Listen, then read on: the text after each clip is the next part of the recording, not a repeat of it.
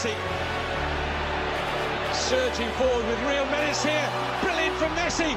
Oh, what a goal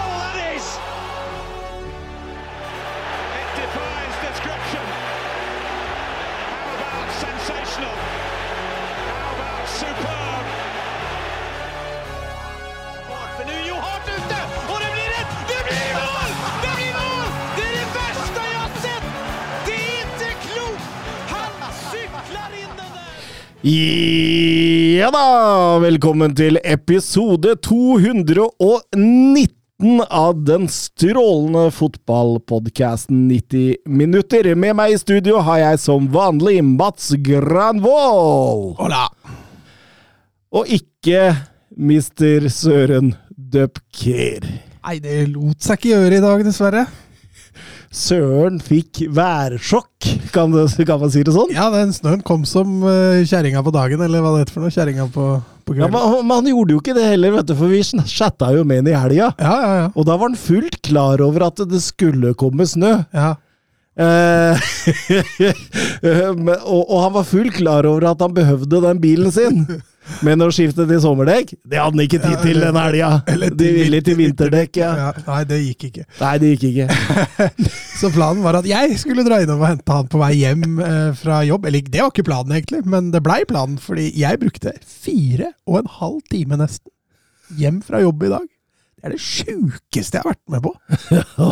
Altså Det synet å komme nederst i bånn der på Alnabru og bare se trailera stå på motorveien som sånn der kolonne oppover der og blinke varseltrekantene blinka jo Og bussene stengte avkjøringene, og det var helt kaos. Fullstendig nedsnødd. Ja, det er noe av det merkeligste, merkeligste jeg har vært med på. Men det er, men det, det er så rart at dette kommer så overraskende hvert eneste år. Eh, ja, det er veldig bemerkelsesverdig, faktisk. Eh, samtidig så er det jo den første snøen, da er det ikke så mye salt i gatene, så, så snøen og isen setter seg veldig fort.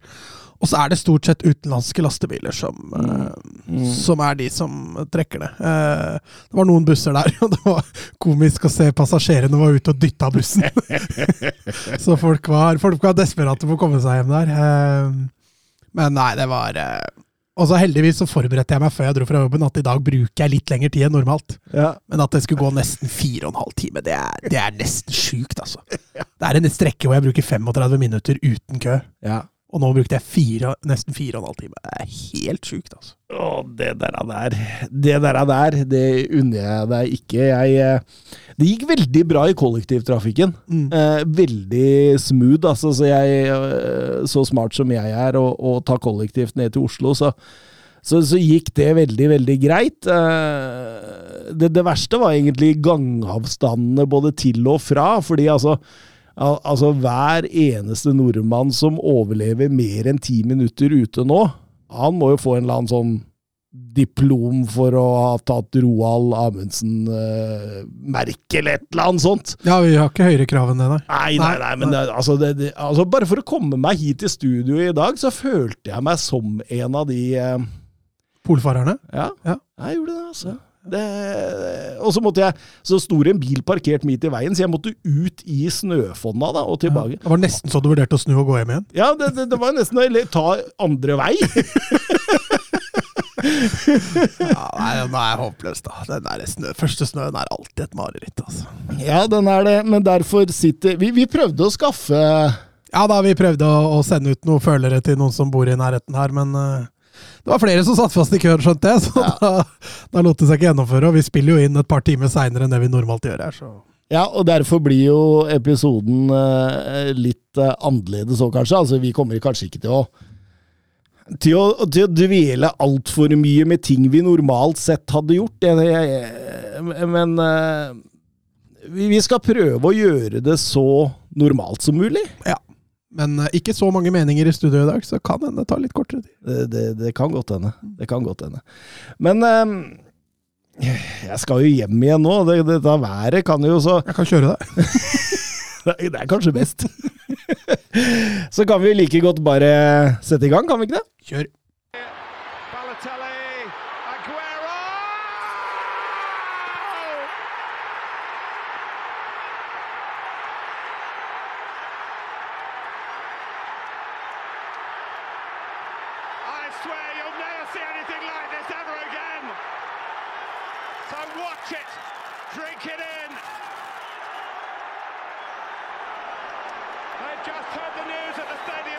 Ja, vi, vi begynner vi på um, Ja, det er London Derby sør mot uh, nord. uh, Crystal Palace mot Tottenham. De åpna runde ti fredag kveld, og Ja eh, Det var litt sånn ta og føle på i starten der. eh. Jeg kom litt seint til kampen, og det tenkte jeg på når jeg skrudde på der, at det er jo ratt 2-0 til Tottenham alt, for de pleier jo å gå ut i 100. Jeg skjønte kjapt at det hadde de ikke gjort, eller de hadde prøvd, men ikke klart det. Eh, Å bryte ned et Palace-lag som ligger lavt på Sellers Park, det, det er ikke alle som klarer det. Eh, Og Tottenham fikk det tøft fra starten av. Ja, utvilsomt. Altså, Pal Palace ekstremt aggressive, bra intensitet. Eh, ekstremt duellsterke. Så, Ja, så du har den der sentrallinja med Andersen og Gay og Ducoré og, og Jefferson Lerma der. Den, den, er ikke, den er ikke enkel. Og når de klarer å lage så korte avstander inne sentralt der eh, Nei, de gjorde det ikke lett, altså. Nei, og i tillegg, de, de, de var harde. De, de kakka på ankler, de kakka på akilleser. De fikk lov av dommeren å gjøre det, uten at det spratt opp et eneste gult kort. Og da, da, da, da ligger mye liksom til rette for en sånn Palace eh, masterclass.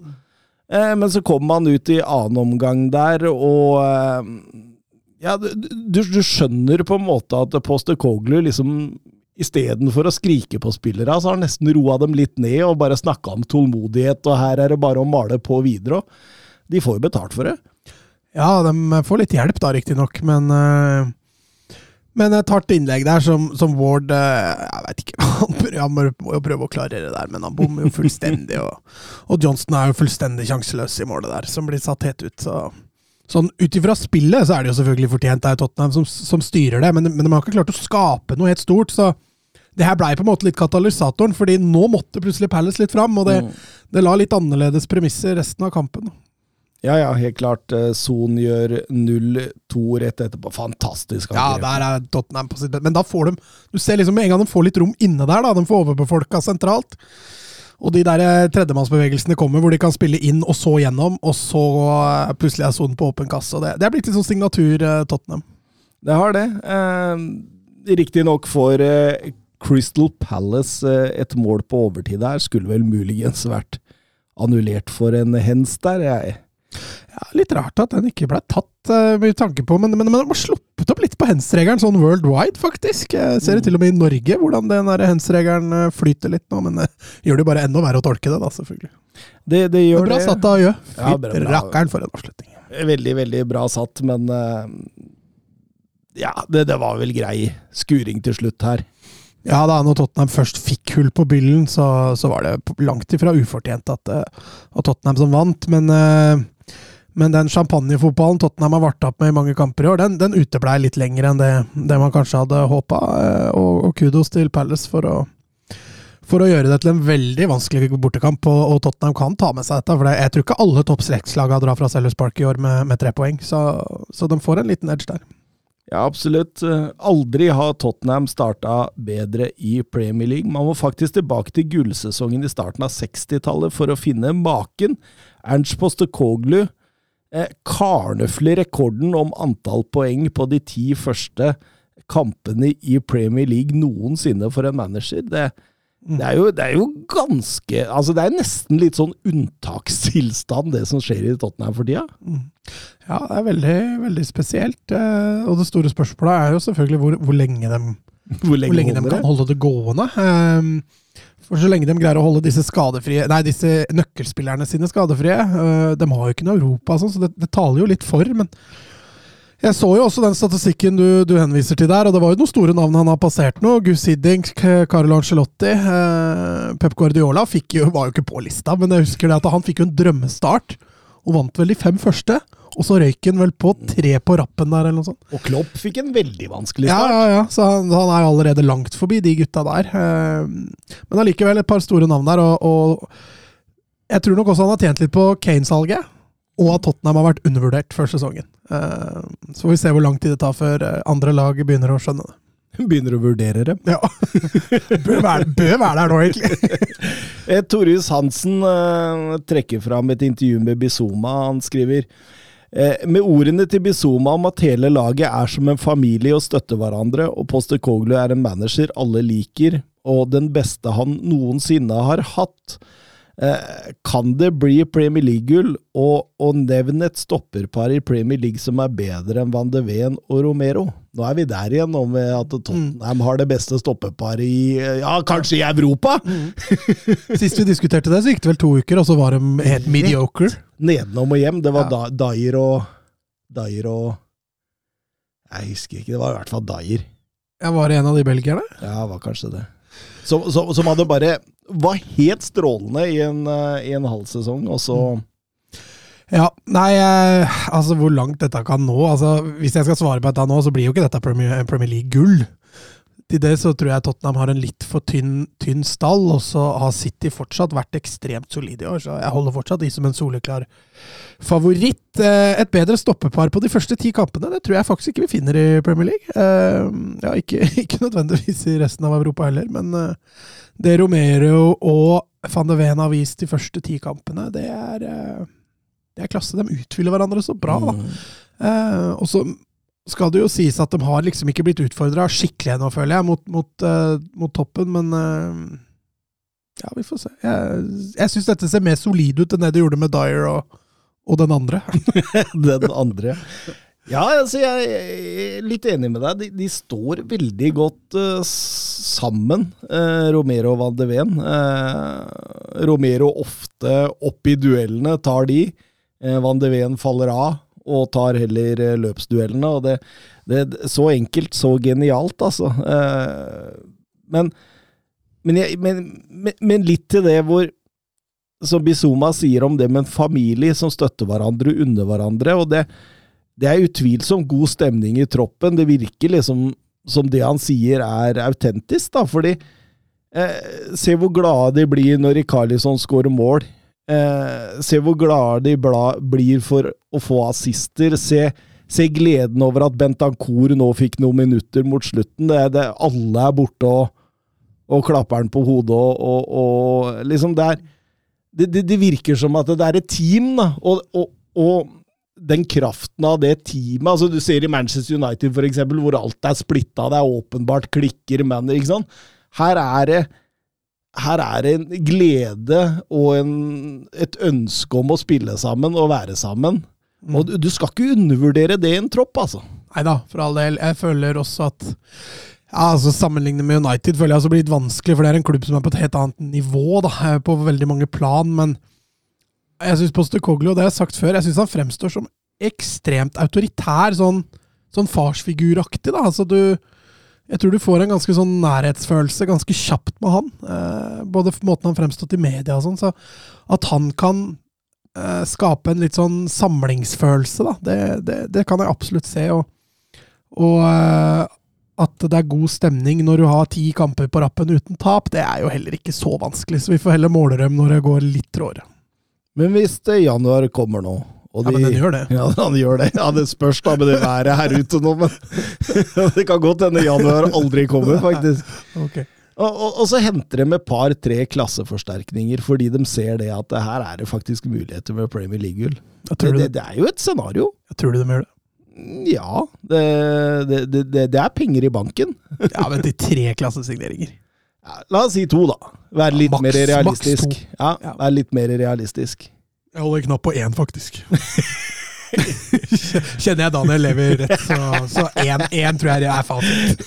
Vi må videre. Vi går til brua hvor Brentford vinner sin tredje strake seier.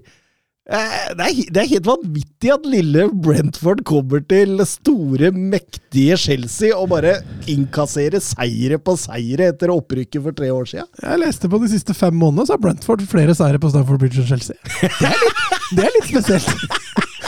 Det er ganske vilt. Eh, Men, men, men jeg syns jo eh, Chelsea gjør mye bra fram til det går galt. Ja, og spesielt i første omgang så syns jeg Chelsea eh, Jeg skal ikke si karnøfler dem, for det gjør de ikke. Brentford ligger veldig bra defensivt, men jeg syns de har et tydelig og godt initiativ, og, og de er veldig mange sånne nesten Nesten så det går. Mm. Um, og eh, de styrer jo det meste, selv om Brentford tillater det, i form av at de ligger veldig lavt og havner fort i en femmer bak der. Ehm, det er noe med Brentford. altså. Chelsea finner ikke ut av det på hjemmebane. og Det, er jo nettopp det de har slitt med hele sesongen. altså. De, de brenner jo noen elleville sjanser, altså. Mm.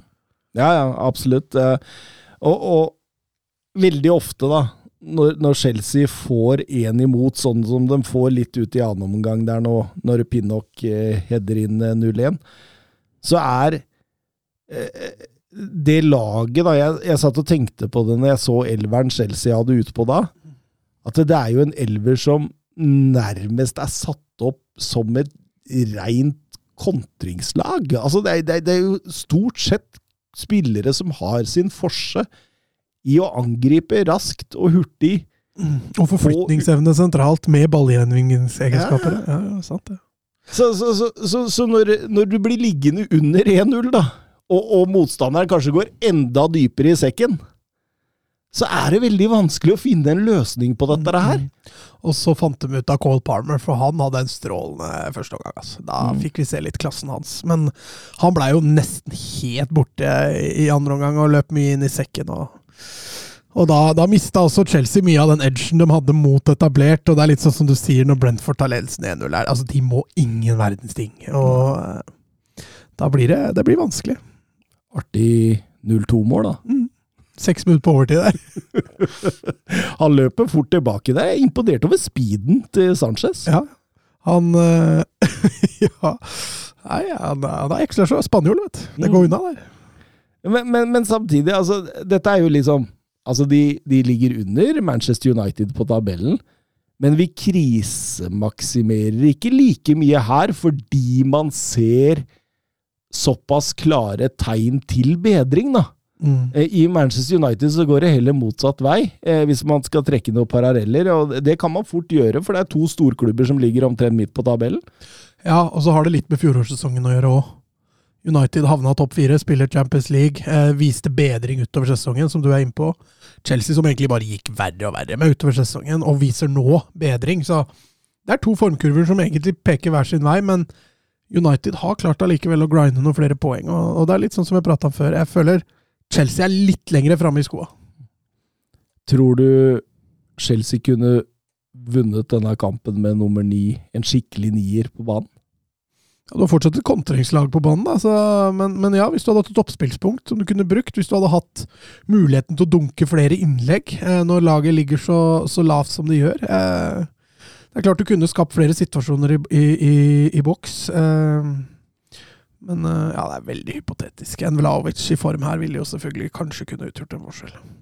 Og så, så, så, så tenker man jo Kristoffer Nkunko er tilbake snart, og jeg, jeg, jeg tenker jo at Savna savnet av nier vil bli litt mindre der, fordi han er så god i den krafta den spilleren han er, men han er jo også egentlig en kontringsspiller. Eh, men, men likevel veldig mye bedre enn det de allerede har der. Så, Han har jo Stirling vært strålende på den venstrekanten tidvis, da, så han har jo virkelig funnet tilbake igjen litt. Så det er mulig han må gjøre et brutalt valg der, eh, godeste Porcetino. Altså. ja. Jeg tror en Konko kommer til å bli klink i niere. Ja, kan hende. Ja, altså, du setter den på topp, ja? Ja, ja.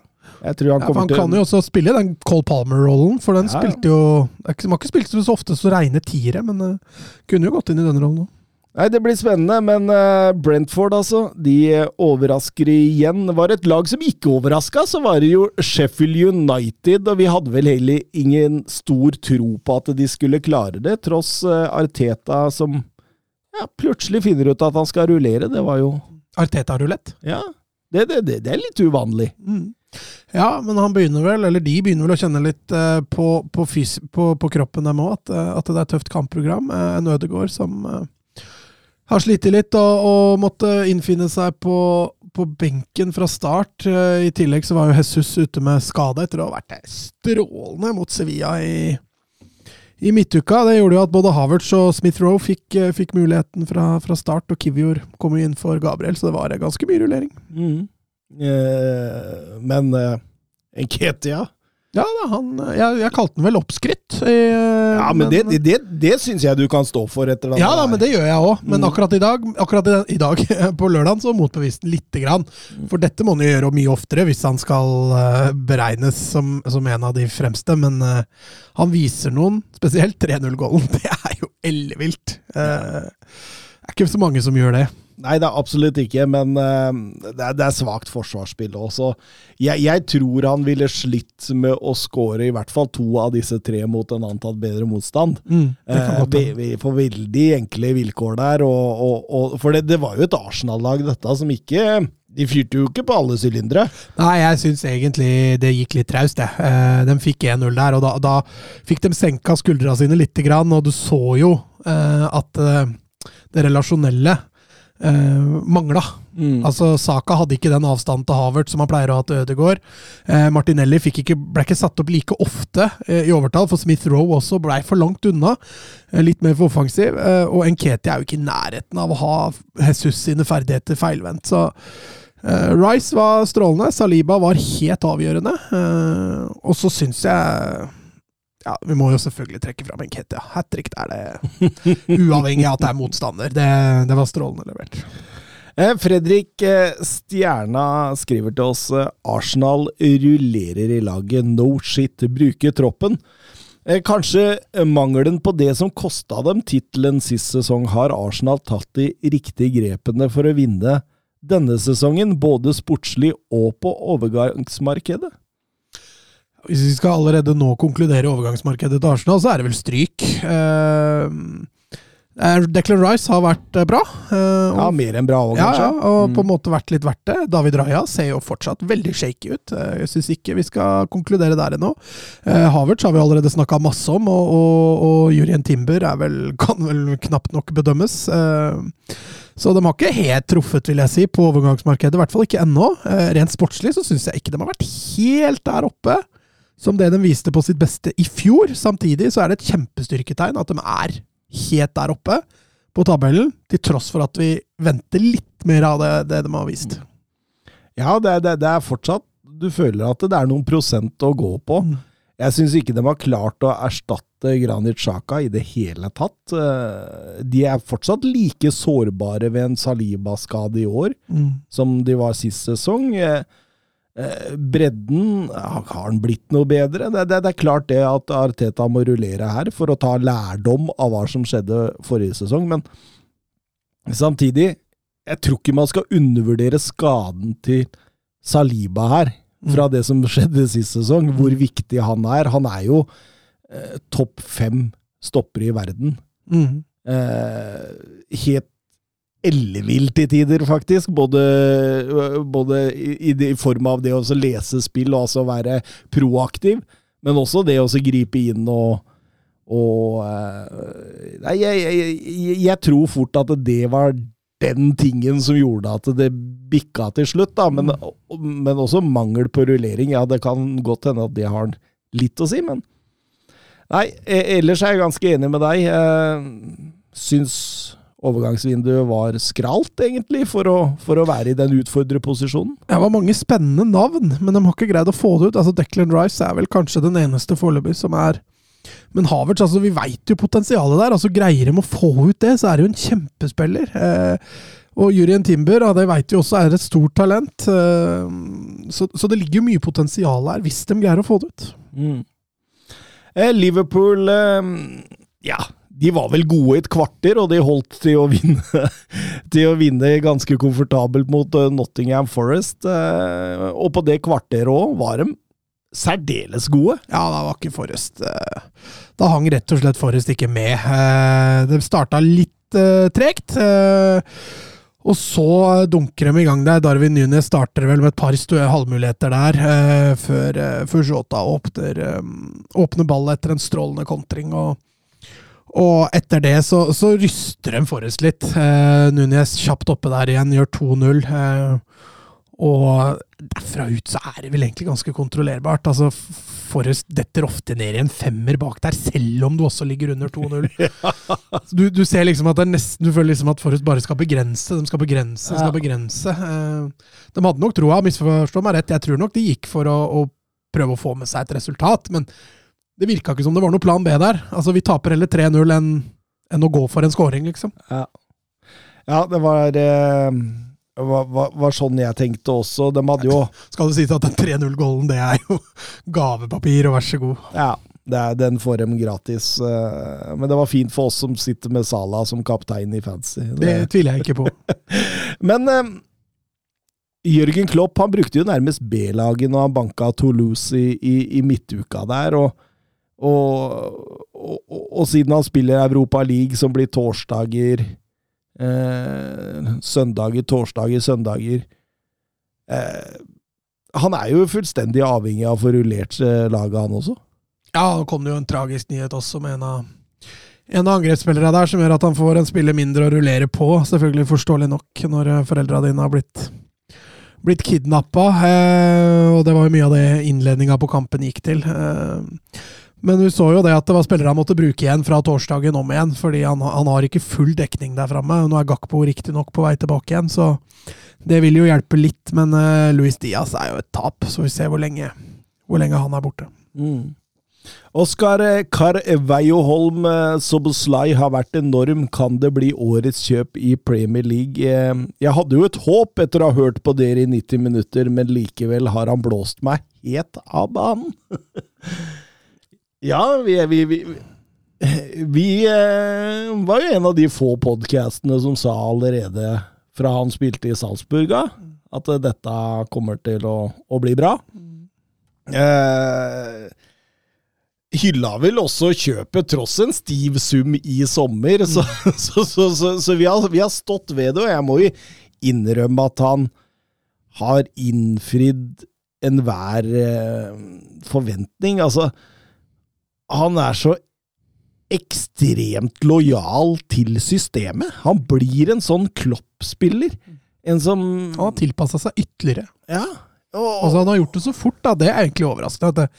jeg var, jo, jeg var, jo, enig med at talentet er der, og, og her kan vi bygge videre på noe, men at han skulle gå så fort inn og dominere i hver kamp, mm. det, det, så jeg faktisk ikke gå med.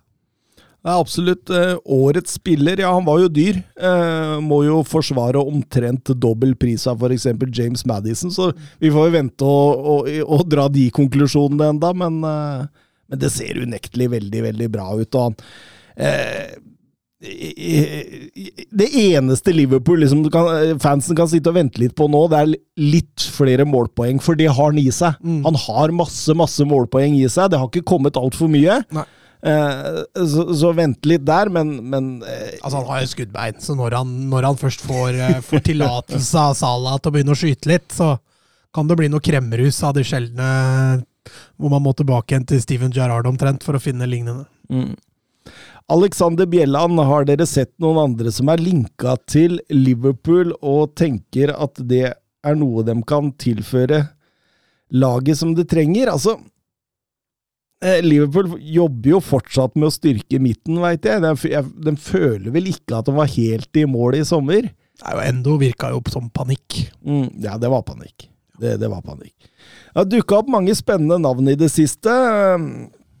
André eh, Trindade da Costa Neto, en eh, 22 år gammel brasilianer eh, fra Fluminese, virker, virker, veldig spennende. En sånn typisk eh, sekser. Eh, kan få stor konkurranse der. Arsenal eh, følger godt med. Barcelona skal ha, ha han på lista. ja, de har ikke råd. de har ikke råd uansett. Bayern München har han som et alternativ til Paulinia, hvis de ikke får han. Så det, så det, det kan bli konkurranse der. Ezequiel Fernandez er en annen de driver og kikker på. En 21 år gammel argentiner fra Boca Juniors. Eh, litt samme type som Trindade. Eh, får også konkurranse her. Benfica ser på han som den ypperlige erstatteren til Enzo Fernandez. Nå skal de endelig få bruke penga mm. på en erstatter der. Milan og Juventus har også han eh, på blokka. Eh, Tyram og Coné de er fortsatt inne i miksen, eh, men Liverpool er ikke blant de mest fremtredende der lenge. og så så, så, så, skal de visstnok ha begynt på lista over potensielle Sala-erstattere for framtida, og ser på mulig en midtstopper. Eh. Ja, midtstopper har vi jo snakka om. Eh, og en Sala-erstatter Nå så vi han brukte litt tid på å komme i gang i årets sesong, men når han nå først er oppe og går, så, så er han jo like god som alltid. Eh, Så du ser at han begynner å trekke på åra, så det er nok ikke så dumt å begynne å forberede, forberede det. Men det, laget der skriker jo etter en sekser, for du ser også i den kampen her, altså McAllister Han gjør jo alt fra det helt geniale til det helt fatale. Og det som sekser, da, det blir så synlig når du gjør dårlige valg, uh, og når du er uh, når du, Jeg vil ikke si han er utilpass, for det er han nok ikke, men han, du ser han har så mye offensive gener da, at han gjør feil valg som sekser. Mm. Um, og det, det McAllister må vekk fra den. Jeg tror ikke han får blomstra skikkelig før han spiller indreløper. Altså. Nei, jeg er for så vidt enig. Eh, vi må gå over til eh, Manchester Derby. Woho! Ja, det var jo en liten test for Manchester United. De hadde jo vært eh, relativt svake i mange kamper mot mindre gode lag. Likevel tatt litt sånn jevnt og trutt poeng. Nå møter de et av verdens beste lag, og jeg skrev vel på Twitter i forrige uke at slik Manchester United spiller, så spiller de stort sett jevnt med de, best, med de aller fleste. Men det gjorde de kanskje ikke her. Jeg starter bra, da. Ja, det- Eh, de setter det høye presset veldig bra. Det er klart, Ta ut Rodder i frispillinga til City, det er jo nøkkelen for, for nesten alle lag. Eh, og de tør å sende fram eh, fem mann i det høye presset. Det er klart, en McTominay, en Bruno Fernandes, en Høylund og i det høye presset er jo gode presspillere som passer Ten Hag bra. Så når de først får satt det høye presset, spesielt første fem-ti minutta, City kommer seg ikke ut, eh, så virker det litt som at oi, ja, kan bli kamp. Men eh, City regulerer høyden litt til, til både Bernardo Silva, som trekker plutselig veldig mye breiere, eh, og en Phil Foden som kommer mye mer dypere og inn, og så får de løst det delvis på den. Og da sliter United resten av matchen, egentlig. Men fin Jørgen Halvorsen skriver her var slakt på Manchester City-straffen, takk for det. Og, og det tenkte jeg også. Var den clear and obvious? Altså, han, han er jo egentlig det. Problemet er bare det at man dømmer jo nesten aldri på det. Ja. Så at jeg, jeg er for så vidt enig i at eh, Det blir helt feil å begynne plutselig bare sånn midt Nå tar vi en sånn en! ja. Men så, neste så lar vi den gå igjen. Veldig, veldig rart. Veldig bemerkelsesverdig. Og jeg, og jeg skjønner bitterheten og frustrasjonen til United-supportere. Samtidig, det er jo straffe. Ja da, ja da. Det, altså, med, med regelboka i hånd, Ja. så, så, så kan man ikke argumentere imot. Men det er det jeg mener med clear and obvious. Da, fordi hvis eh, VAR ser på det som clear and obvious, da skal de få det ganske tøft framover, altså. Ja, ja, det var litt det jeg mente. Nå har de satt, her har du satt en ganske kjip linje framover. Men de får da straff, og Haaland setter den, og det, det, det syns jeg på en måte blir skillelinja på altså, Derfra ut så har ikke Manchester United noe å komme med, så å si. altså. Nei, jeg synes, Du ser også det på possession. Den er ganske jevn i starten. Eh, men utover i matchen altså City dominerer jo fullstendig. Og, og ja, andre omgang blir jo for United, altså Rashford har vel en kjempesjanse der, eh, hvor Eriksen slår en kanonkule gjennom. Eh, men de kommer jo nesten aldri nærmere. Høyle nå er vel brukbart nærme der, nære å få straffen, og John Stones er i ryggen på han. Men etablert så skaper United veldig lite. Uh, Og når, når City da er så gode og har så korte avstander etter balltap, så De triller jo bare den kampen i, i land, og Haaland skulle jo hatt et mål til. Og. Ja da. Eh, Haaland får to, Phil Foden får et etter et fantastisk eh, angrep, mange trekk. Eh, og, og, og det blir nærmest en, en aldri så liten karnøfling av Skal vi kalle det storebror enda? Det, opprinnelig så skal det jo være det. Ja, sånn historisk så er United fortsatt storebror, jeg vil påstå det. United, jeg sitter jo ikke i nærheten av historien til United, så de er vel fortsatt storebror, men eh, sånn resultatmessig så er det jo ikke en karnøfling, egentlig. Men hvis du ser litt bak resultatet, så Men de hadde jo ikke kjangs. De hadde ikke De hadde ikke kjangs. Ja. Altså, det, det, det, de, de møtte opp, og, og, og som du sier, og, og hadde en frisk inngang til det, og så bare faller det. Og, så syns jeg han gjør en Jeg synes han gjør en blemme når han tar McTominay ut av tierrollen. Mm. Uh, Amrabat som, som går ut der, har et gult kort. Jeg veit ikke om det er litt det. Han har ikke riktignok vært strålende i første omgang, men han er i hvert fall den eneste lille balansespilleren de har. Og, og McTominay har vi sett de spille dypt på midten før uten å briljere, og, og du mister kanskje en fremste presspilleren du har da, når du tar ut McTominay fra den tierrollen. Jeg syns han gjør en blemme der ute i andre omgang. Altså. Men, men, men, litt tilbake til det straffesparket. også. Så du litt ut i annen omgang der, holdinga til Maguire på, på Haaland? Ja, ja, den var verre. Ja, altså Ja. Jeg er helt enig. Det var da var plutselig den glemt igjen. Men jeg tror ikke de turte å gjøre det to ganger på rad. Dette kan være det. hadde det jo blitt uh... Manchester United har tapt fem av ti kamper. eh, Det er den svakeste sesongstarten de har hatt siden 86-87-sesongen. Og Manchester United har til sammen leda 29 minutter på Old Trafford i år. Det er mye, da.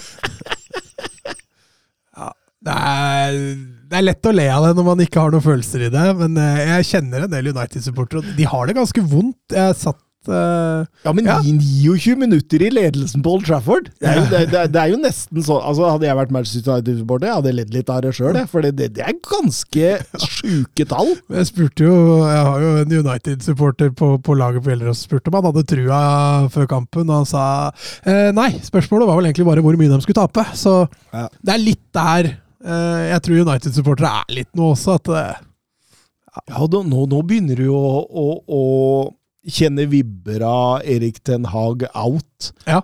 eh, i sosiale medier og sånt òg. Vi kan jo Men altså, komme du, ja, altså, Vi kan jo komme tilbake til det, men, men du sitter med følelsen at jeg tror ikke det hjelper. Hvem skal inn der og redde opp dette?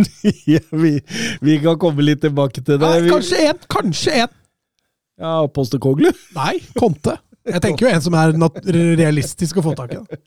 Eh, Ole Haaland, eh, gi meg tre januarkjøp som kan redde noe av sesongen til Manchester United. Jeg, jeg, jeg, jeg er usikker på om kjøp er veien, i hvert fall på Salg er kanskje, er kanskje veien å gå først. Altså, Erik Den Haag har brukt 500 millioner euro på nye spillere. Tre av de starta mot Manchester City, hvorav én ble bytta ut i pause. Eh, Stopperne er notorisk skada. Mount er ikke i nærheten. Anthony er ikke i nærheten. Ah, Det han gjør med Doku der, det er flaut. ass. Ja. Makan til oppførsel. Det, det, det er flaut. Eh, de lener alt det offensive på en svak Bruno Fernandes, en Marcus Rashford ute av form og en Rasmus Høyland som har vært god i kvarter. Rasmus Høyland. Høylund. Høyland. I, I europeisk målestokk eh, altså, man kan jo si det til det kjedsommelige, da, at man begynner Man må begynne i organisasjonen. Speidernettverk, eh, sportsdirektør, ja, kanskje til og med Erik Den Haag etter hvert. Eh, Man må finne en vei. En samla vei. Og så må man begynne der. Man, altså, det å kjøpe inn tre nye spillere nå, da. Det blir litt som å spille rulett, liksom. Du bare har 60 navn rundt, og så kaster du den kula. Altså, altså man må finne en type vei man må gå. Mm. Og, og, og det, det, det er der det er liksom øh, Det må gjøres før man kan begynne å kjøpe altfor mye spillere, da.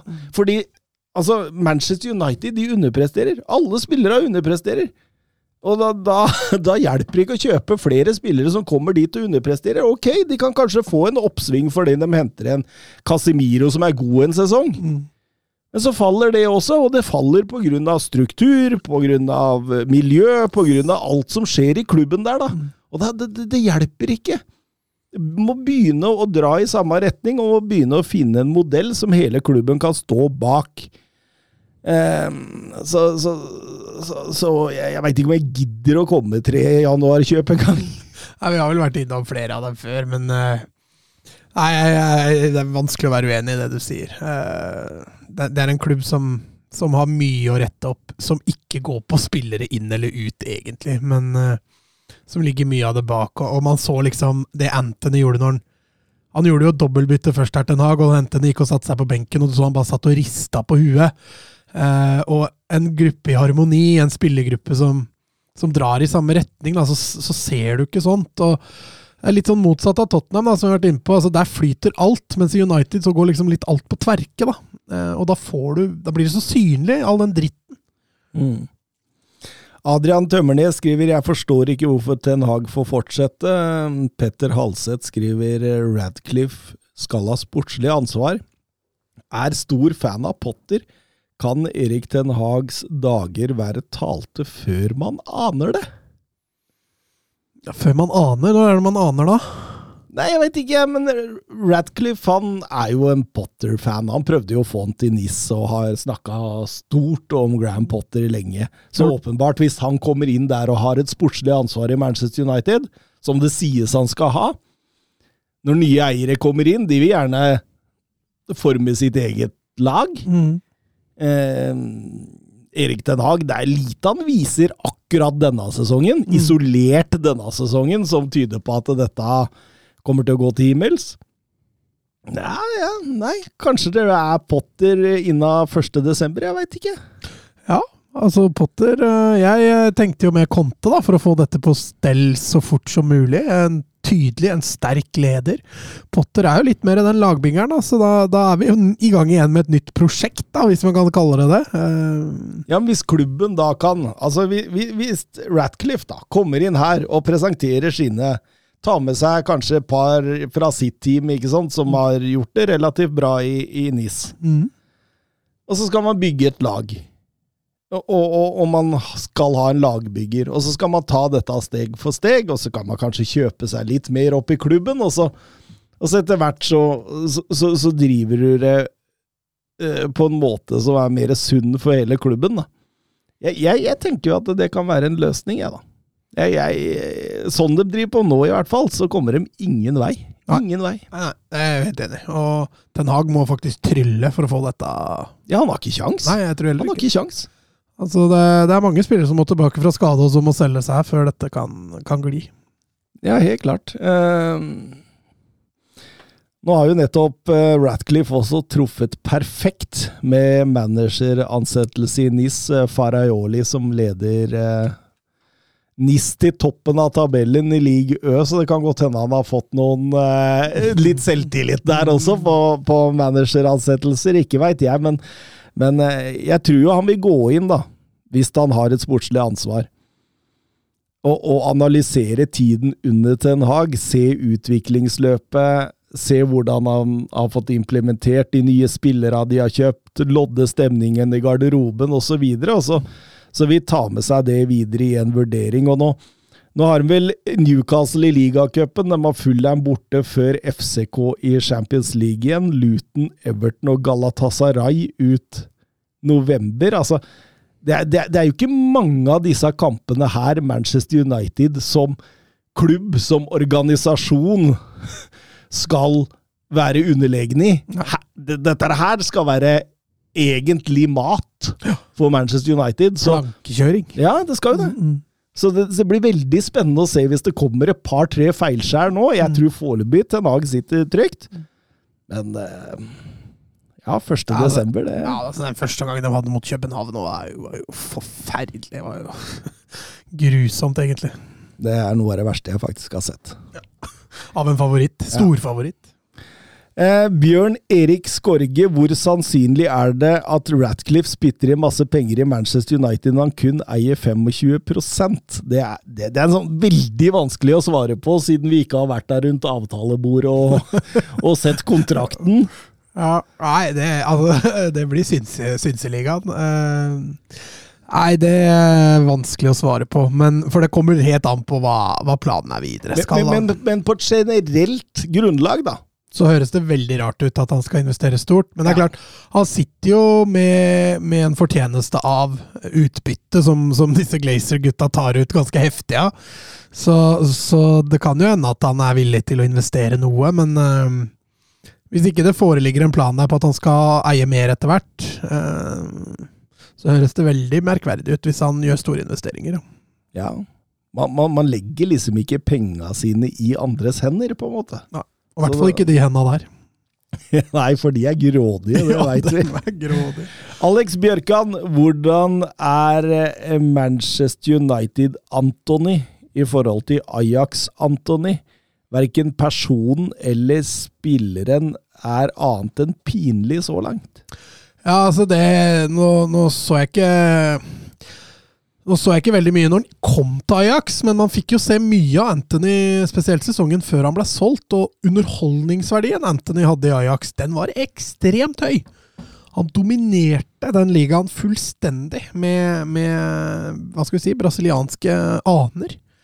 Eh, som man knapt nok har sett, annet enn en piruett her og der eh, i, eh, i United. Og de faktene han har vist spesielt eh, den siste tiden, det, det, kan jeg ikke si man har sett i, i Ajax. Men du har alltid sett det er et lite at han har den lille aggressiviteten, men den ble brukt liksom litt mer positivt i Ajax. da. Uh, I United så har det blitt mer pinlig. Mm. Måten han for eksempel, som jeg nevnte i stad, det der med Doku, det var nesten flaut å se på. Han prøver jo karnøflen to ganger der. Ja, Først måker ned, og så får han en pekefinger i trynet, og da, da var liksom det nei, men, men, det er klart, der, der, tror jeg det sitter dypere nå. Han, det, er, det er ubalanse det. Ja, det er, det er åpenbart at dette som skjedde skjedde hjemlandet med ekskjæresten, og at, det, at sånt preger det, er klart det gjør det. Eh, for det er, en, det er en spiller, som du sier, som, som, ikke er i balanse. Han er ikke i vater.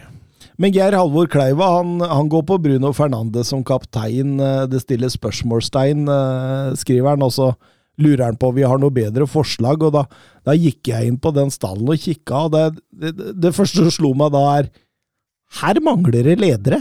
Mm. Jo, Vi har jo vært inne på det før med han. da, at eh, Vi tror at han, han er nok en, en, tydeligere person i garderoben. Jeg tror nok han er mye mer behagelig. På banen så har han jo fakter innimellom som på ingen måter er kapteinsverdig. Uh, men jeg tror nok han er en av de spillerne som løper mest i løpet av en kamp. Uh, han er ikke redd for å gå litt i krigen, selv om han uh, overspiller og, og, og, sutrer til dommeren og, og, gjør det han kan.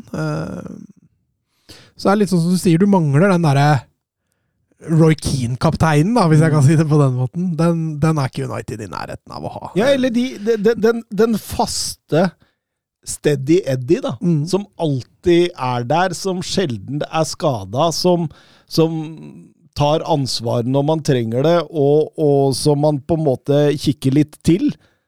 Eh, liksom, altså, altså, Liverpool har mange av dem. ikke sant? Eh, Van Dijk eh, er en typisk eh, sånn kapteinsevne, f.eks. Alison. Eh, kan være det. Robertson tenker jeg kan være det. ikke sant? I, i, i Tottenham så har man flere, ikke sant? Eh, Son kan være det. Høy, Høybjerg kan være det. Altså, Bentancour kan fint være det. Romero Eh, du har mange av de i, i forskjellige klubber, da.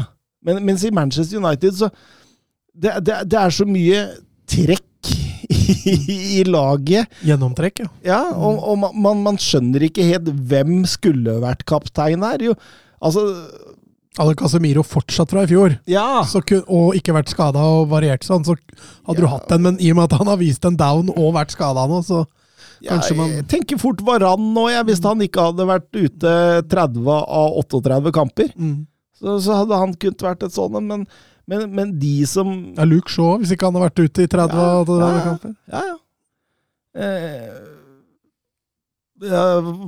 De Gea, hvis han hadde vært der enda, hadde jo vært en naturlig mm. eh, mann å se til. Men han er jo ikke der lenger heller, så nei, det, det, det, er vanskelig å finne noen andre. Det er det jeg ser poenget til Geir Halvor. Um, Unai Emry sier at Aston Villa kan bryte inn i topp fire. Er det realistisk, spør Konradsen på, på Twitter her. Mm.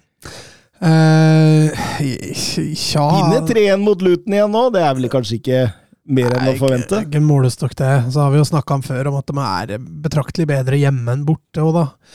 og skal du inn topp fire i, i, Premier League, så må du ha en viss borteform å vise til også. Eh, Villa er jo også ute og kåler i Europa i år. Det, det nødvendigvis taler ikke for dem, når du ser lagene som ikke er i Europa, drar fordel av det. Eh, Topp fire tror jeg blir for meget, men at eh, så lenge United og Chelsea ikke klarer å skjerpe seg, så er topp seks eh, veldig realistisk. Mm. Og det bør jo være en, en god sesong, det. Mm. Eh, kan ta med at Brighton spilte 1-1 mot Fulham, og, og, Newcastle spilte 2-2 borte mot Wolverhampton, sånn at eh, de antatt konkurrentene i det landskapet til Aston Villa, da, de, de tapte poeng. Ja, og i likhet med Villa så spiller jo alle de, eller alle de to, eh, de to du nevnte, spiller jo i Europa, så Uh, de får litt drahjelp her og der. Mm. Vi går over til La Liga. cap a la dreta per Xavi, assistència de Xavi més cap a la dreta per Messi, Messi, Messi, Messi, Messi, Messi, Messi, Messi, immens Messi, encara Messi, encara Messi, encara Messi, encara Messi, encara Messi, encara Messi, encara Messi, encara Messi, encara Messi, encara Messi, encara Messi, encara Messi, gol, gol, gol, gol, gol, gol, gol, gol, gol, gol, gol, gol, gol, gol, gol, gol, gol, gol,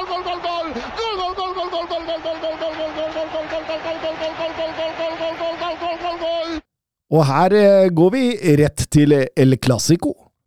En reell fotballfest med Mick Jagger og co. på tribunen, og, og, og, Rolling Stones på draktene, Mats. Jeg veit du ikke er sånn strålende fan av alt dette her, men det var jo et Barcelona som viste tenner i første omgang. Ja da, jeg syns Barca er veldig friske. Man har sett nå de siste kampene at man, man har lagt om midtbanen der og snudd trekanten på midten. Når, når Frenkie de Jong har vært ute, som han har vært, så har man brukt Gavi og Gundogan dypt. Og det, det har gitt litt mer etablert eller trygghet da, når man angriper. Og, og de to sentrale da i den første gangen mot Real Madrid styrer jo butikken. Mens da Fermin Lopez får lov å være litt mer fri offensivt. og det det drar Barca nytte av, og, og riktignok flyt når de får 1-0 der, men, men med tanke på hvordan den første gangen var, så var det veldig fortjent med at Barca hadde jo også en i stolpen, og, og Real Madrid var jo knapt nok inne i 16-meteren til Barca der. Man greide igjen, altså. Jeg var litt skeptisk til Arojo på, på høyrebekken når Venitius plutselig spiller litt mer smalt, så tenkte jeg det ville være naturlig å ha Rojo i midten, men uh, igjen så treffer man dette Rojo-trekket, uh, og, og tar Venitius uh, ut av matchen i første omgang, delvis. og man dominerer egentlig ganske mye av første gang, både ballinnehav og, og, og trøkket. Ja, ja. Man tar ut Venitius med Rojo, og så og så setter man to mann konstant på Bellingham eh, hele veien, og, og, og, og, de våger å stå høyt, de våger å være aggressive, sånn at eh, Real Madrid sjelden får brukt dette bakrommet som, som, som åpenbart var der, og, kunne bli brukt i tidligere faser, men som de aldri får brukt. og det, det, det, det er egentlig en strålende Barcelona-omgang, hvor de setter egentlig Real Madrid litt på plass og tar ut alt de har av, av trusler. Mm. Ja, ja. ja, Gavi sin første gang, og det er vel kanskje det beste jeg har sett av han. Eh, var, altså han har jo alltid hatt den der sinnssyke innstillinga med hodet først i alt av dueller og sånn. Han har fortsatt sinnssyk innstilling, men nå var det litt mer kontrollert. Eh, han tok jo Bellingham nesten aleine ut av den første gangen, og samtidig som han er med å prege Barca offensivt, så er Gavi var det gøy å se på de første 45. Så kommer jo skåringen også ved Gundogan, da, hvor han tar et av disse løpa vi har savna inn i boks der, og da, da, da, da blir det mål da, Mats? Ja, det er som sagt litt flyt der. Det er en klarering som han faktisk greier å snappe opp der fra Alaba. Det er faktisk godt gjort, men uh, Og aleine med, med, Kepa setter mellom beina der, og da, da blir det ellevill jubel. Og, og, og, sånn som første gangen utvikla seg, så var det jo fullt fortjent. Mm.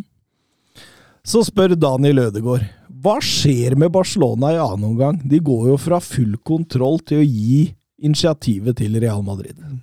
Nei, jeg syns han gjør en kardinalfeil når han velger å bytte inn Lewandowski og Romeu. Eh, Gavi og Gundogan, når de jobber tett sammen defensivt, så hadde man i stor grad kontroll på Bellingham. Eh, når man valgte å dytte inn Romeo og splitte Gavi og Gundogan, så mista man den tryggheten. Eh, Lewandowski er åpenbart ikke i form. Han har vært egentlig på nedadgående siden i sommer. Eh, og et par uker med skade hjalp ikke akkurat på touchen, for å si det på den måten. Så man fikk heller ikke noe momentum med å få inn han. Samtidig som jeg syns Real Madrid bytter seg delvis bedre. Altså Luka Modric kommer inn der og dominerer med en gang. Du får Hoselu inn der som får litt mer presence i boksen. Så Barca bytta seg litt ned, både taktisk og, og mannskapsmessig, mens Real Madrid bytta seg litt opp og det var litt der forskjellen ligger. Også. Klassen til Bellingham eh, skal jo selvfølgelig inn der. Han er jo, han er jo anonym i ganske store deler av kampen, allikevel så er han eh, matchavgjørende. Plukker opp en klarering der. 25 meter, vel. Banker til. Jeg tror nok Terstegen ikke er fornøyd med den, for han er på'n. Ja. Men han feilberegner skruen. Ja. Nei, eh, strålende mål og 1-1, og, og, og, da, da syns jeg liksom på en måte frykten har begynt å bre seg Ja. litt i, i Barcelona. Da, og jeg, jeg jeg er også enig med deg. Eh, dette Lewandowski-Ferran Torres-byttet. Altså Med Ferran Torres så nå er, nå er ikke jeg eh, Norges største Ferran Torres-fan, men han, han, han byr på noe litt sånn Han er ikke så lett å lese i bevegelsene alltid. Han Litt eh, uortodoks. ja, som han gir. ligger og drar litt mer i, i, i motstandere, hvis det, lov, hvis det er lov å si. og, og, mens Lewandowski, da, da virker det plutselig som Rudiger og Al Alaba får veldig god kontroll på hva de møter. Ja, og det er litt som jeg sier, han er jo Jeg syns han har vært litt på nedadgående kurve, og nå i tillegg var han litt rusten, og da Jeg syns det byttet der var, eh, var tull og tøys, og det er som du sier, når Real Madrid får 1-1 der, så får plutselig Barca noe å tape, virker det som. Og jeg syns jo Romeo-byttet var mer avslørende enn Lewandowski-byttet, for du, du tapte i hvert fall ikke noe særlig defensivt med Lewandowski, da. Mens med Romeo-byttet så, så tapte man Bellingham, på en måte. Eh, og det blei jo veldig avgjørende. Ja, absolutt. Eh, Barcelona har jo fått eh, Southampton Romeo, og ikke, og ikke Girona Romeo, for å si det sånn. Nei, ja, men jeg veit ikke hvor mye bedre Girona Romeo er enn Southampton Romeo, egentlig. Det er bare en Romeo. Det er en Romeo, begge deler.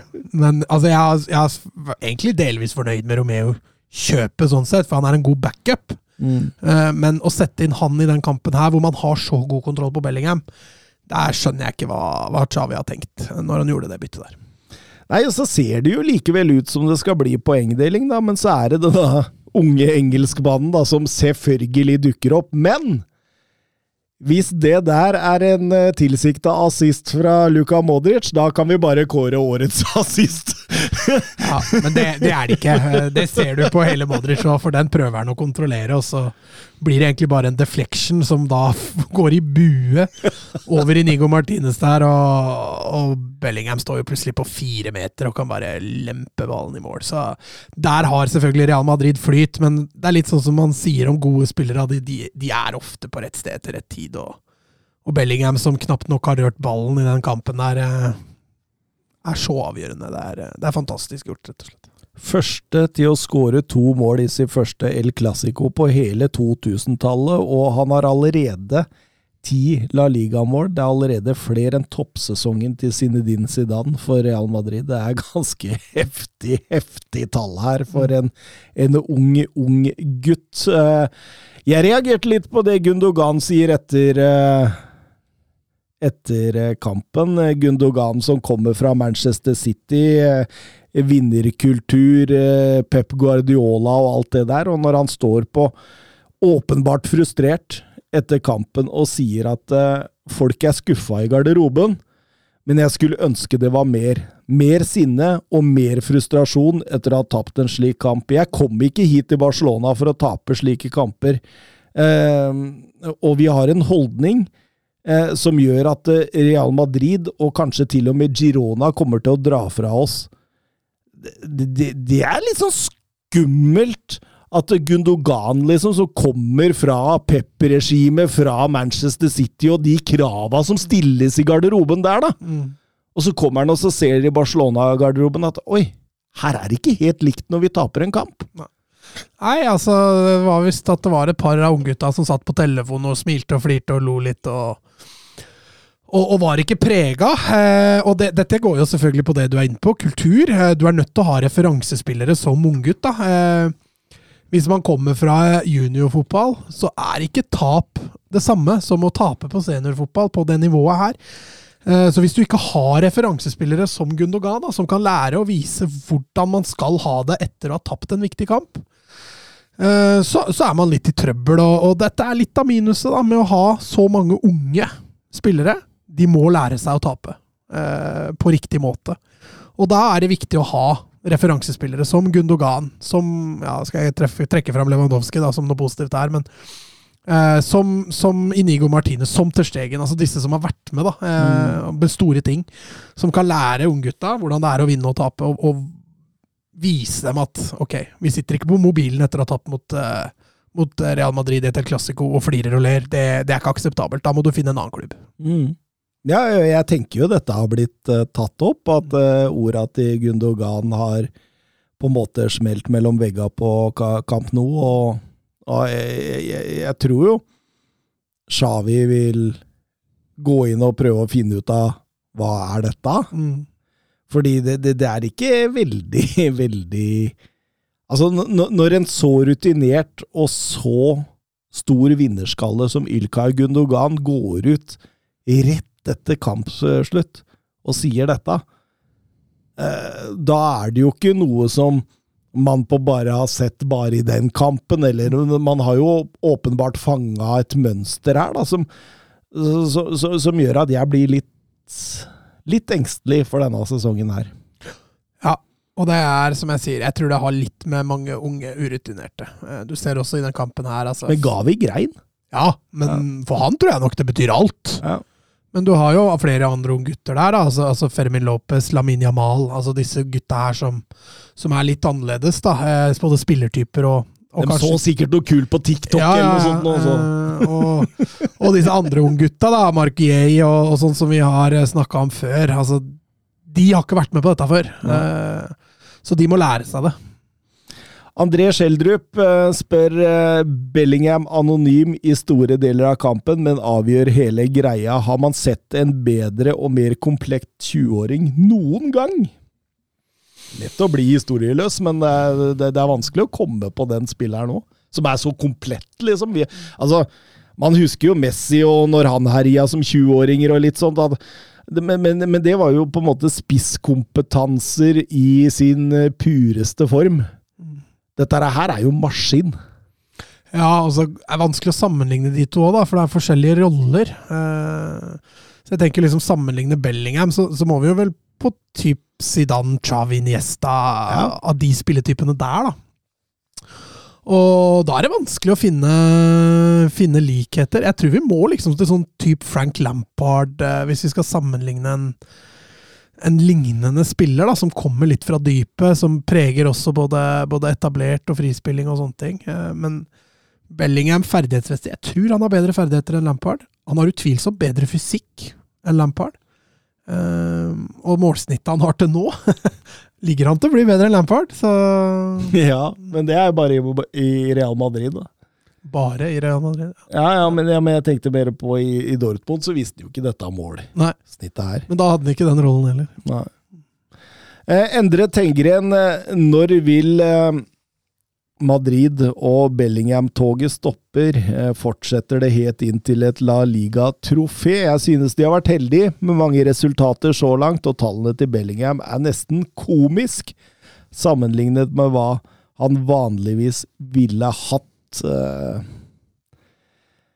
Ja, altså Det hadde vært gøy å egentlig gått gjennom og sett hvor mange poengtellende mål Jude Bellingham har hatt denne sesongen. Det er ganske mange, tror jeg. Mm. Ja, han har vært helt avgjørende i flere av kampene. Uh, han var ti mål og tre assist han er oppi nå. Det, mange av dem er jo matchavgjørende, som, som i, i, El Clásico. Uh, når det vil stoppe opp, altså det, det, er litt vanskelig å svare på, fordi han, han er så dominerende i øyeblikket. da, og og eh, det kan jo hende presset selvfølgelig blir for stort også for han etter hvert. At han er nødt til å hvile, ta noe hvileskjær. Det tror jeg nok han kommer til å få. Men vi snakka jo om at han kunne pushe 25-30 mål denne sesongen. Og nå er vi, nå er vi drøyt en tredjedel på vei av sesongen, og han Da er han jo på vei til 30. Ja. Eh, og det, det, er litt hinsides å tenke på, faktisk. Ja, det er det. Eh... La Liga gull? Ja, det altså det En av tre favoritter. Ja, altså Atletico regner jeg med. Du, ikke Girona, liksom? Nei, nei, nei jeg tar ikke med Girona i den. Uh, nei, altså Atletico, vi skal prate litt om dem òg, men uh, det har også vært bra i år. altså. Jeg syns nesten de har imponert mer enn en Barcelona, selv om forutsetningene der var litt lavere. Så, så kan det kanskje hende at det er Atletico som skal følge Real til døra, ikke Barca. Ja, Nei, jeg tror, jeg tror det faktisk blir helt åpent, ja, helt, i, helt til slutt, omtrent.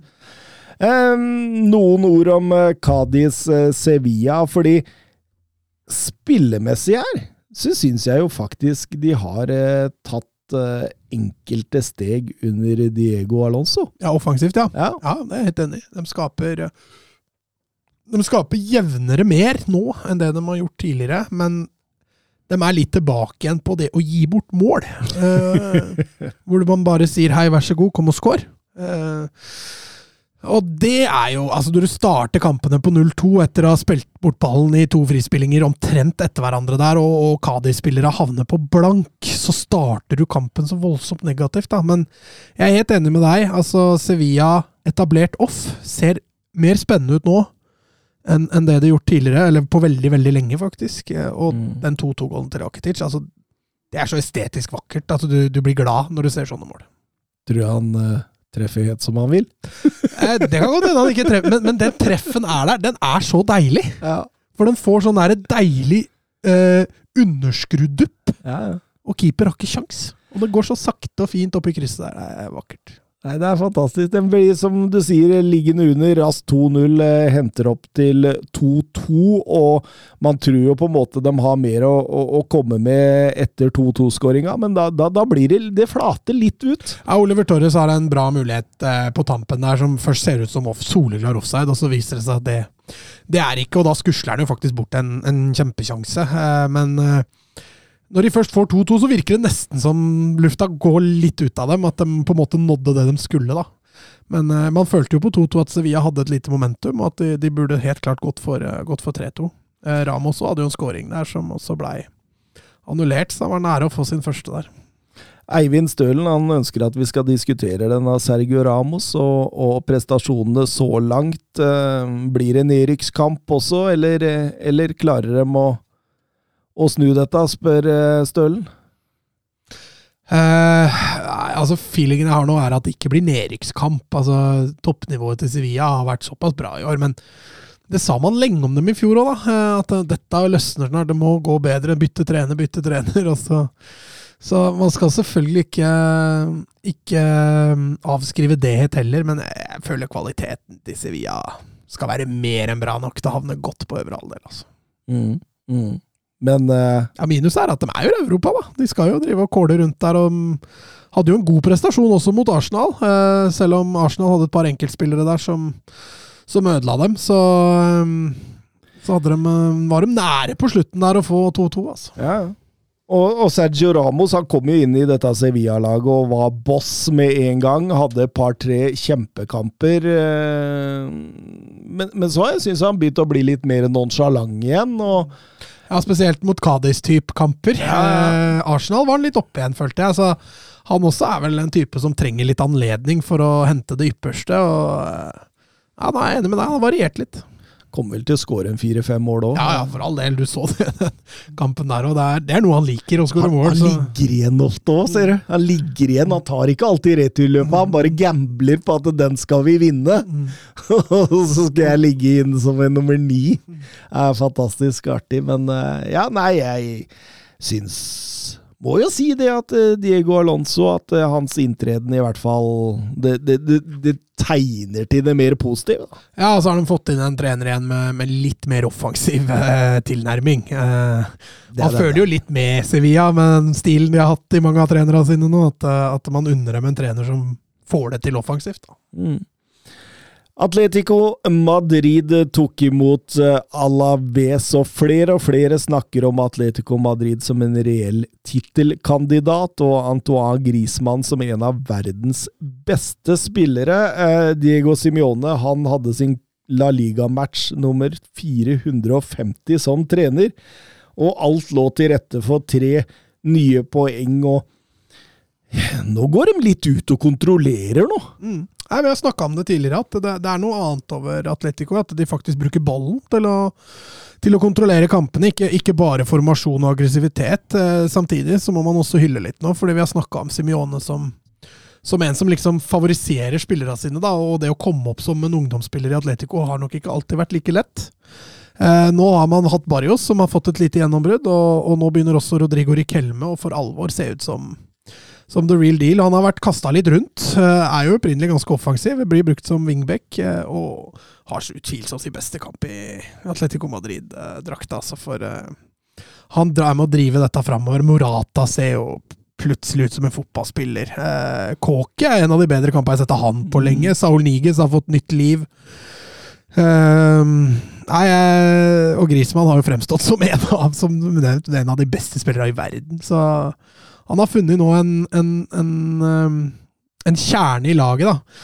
eh, som han eh, nok kommer til å dvele litt ved. Og så, og så får vi se hvor langt det holder. Jeg syns det ser veldig lovende ut, altså. Mm. Ja, helt klart. Eh, eh, kontrollere med ball, skape sjanser, bruker helt bevisst rommene på innsiden og utsiden av bekk hele veien. Setter opp der og, og, og, og får to skåringer i første omgang. Først med Rikelme, og så med Morata. Og, og Jørn uh, Henland spør uh, hvordan vil dere rangere Morata blant verdens beste spillere, spisser akkurat nå? Han har vel aldri vært bedre, og det, det er jo litt morsomt at Jørn spør om dette, fordi jeg, tenkte faktisk eh, etter den første omgangen, jeg også, at uh, hvor i lende hadde man rangert prestasjonene til Morata nå? Fordi uh, OK, han er selvsagt et stykke unna Haaland, Oshimen, Kane. Den, den ypperste, ypperste gjengen, kanskje også Gyrasi og Boniface, sånn som de, de driver herjer i, i Bundesliga, men i den rekka bak der, på det nivået han leverer nå, altså. Ja da, og han er nok eh, åpenbart Han hadde en veldig god periode i Juventus òg, i første runde han hadde der. Eh, men sånn Hvis du ser karrieren til Morata nå, så, så er nok dette den beste perioden han, han har hatt. Eh, problemet er at du er litt, du er litt farga av Man ler litt Historien. Ja, man er litt farga av historien hans. Og hvis man glemmer den litt, da, og kun ser på sesongen hans i år, så ville man jo tenkt at dette er en, en klassespiss. Altså helt der oppe.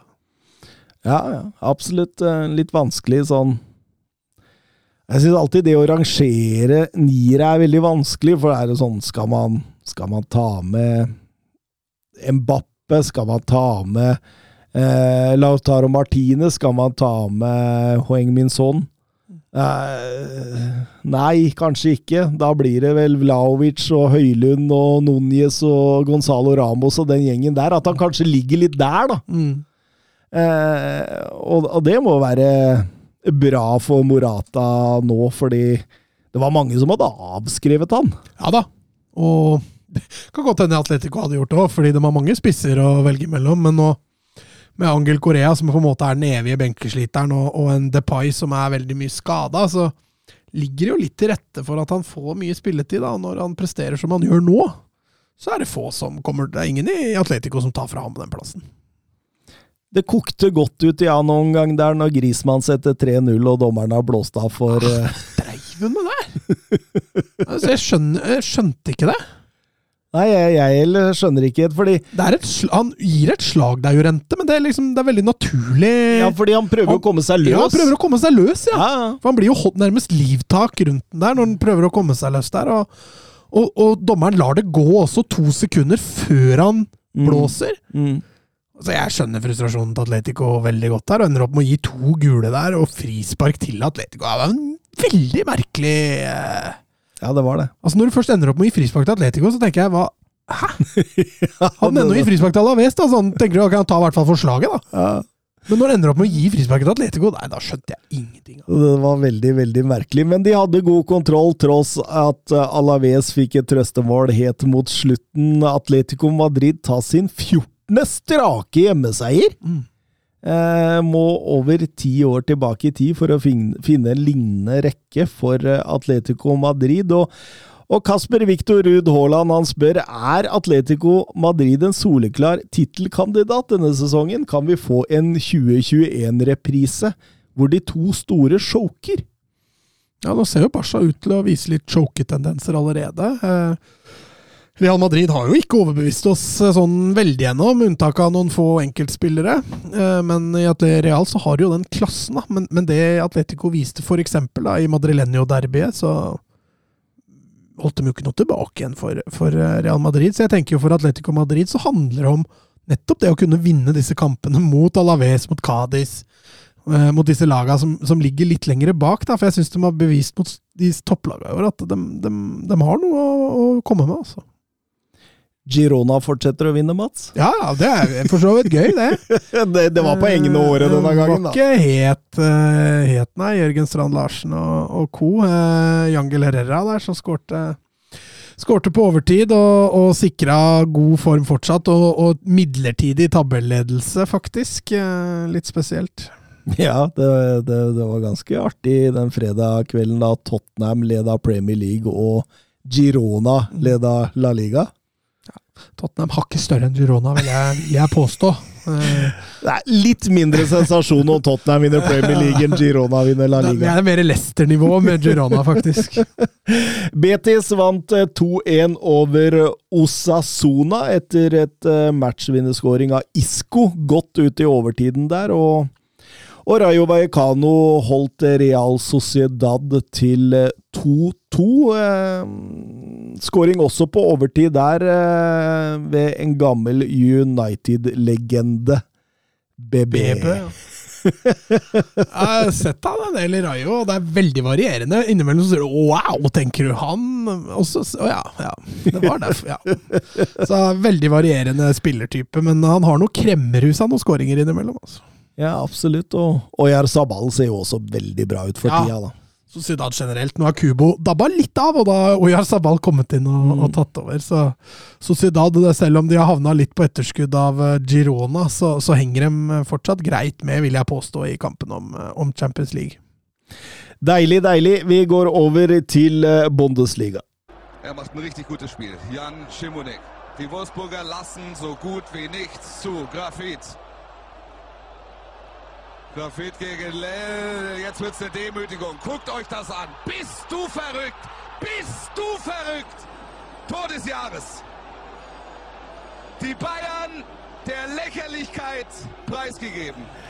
Eh, vi begynner med Augsburg mot uh, Wolfsburg, og da skulle vi jo selvfølgelig hatt vår kjære Søren Døpker her. Han skrev til oss en melding i dag hvor han trodde han skulle sitte i studio, at uh, jeg skal kjøre en fullstendig rant på Niko Kovac, og, og hvorfor skulle han det, Mats? Ja, nei.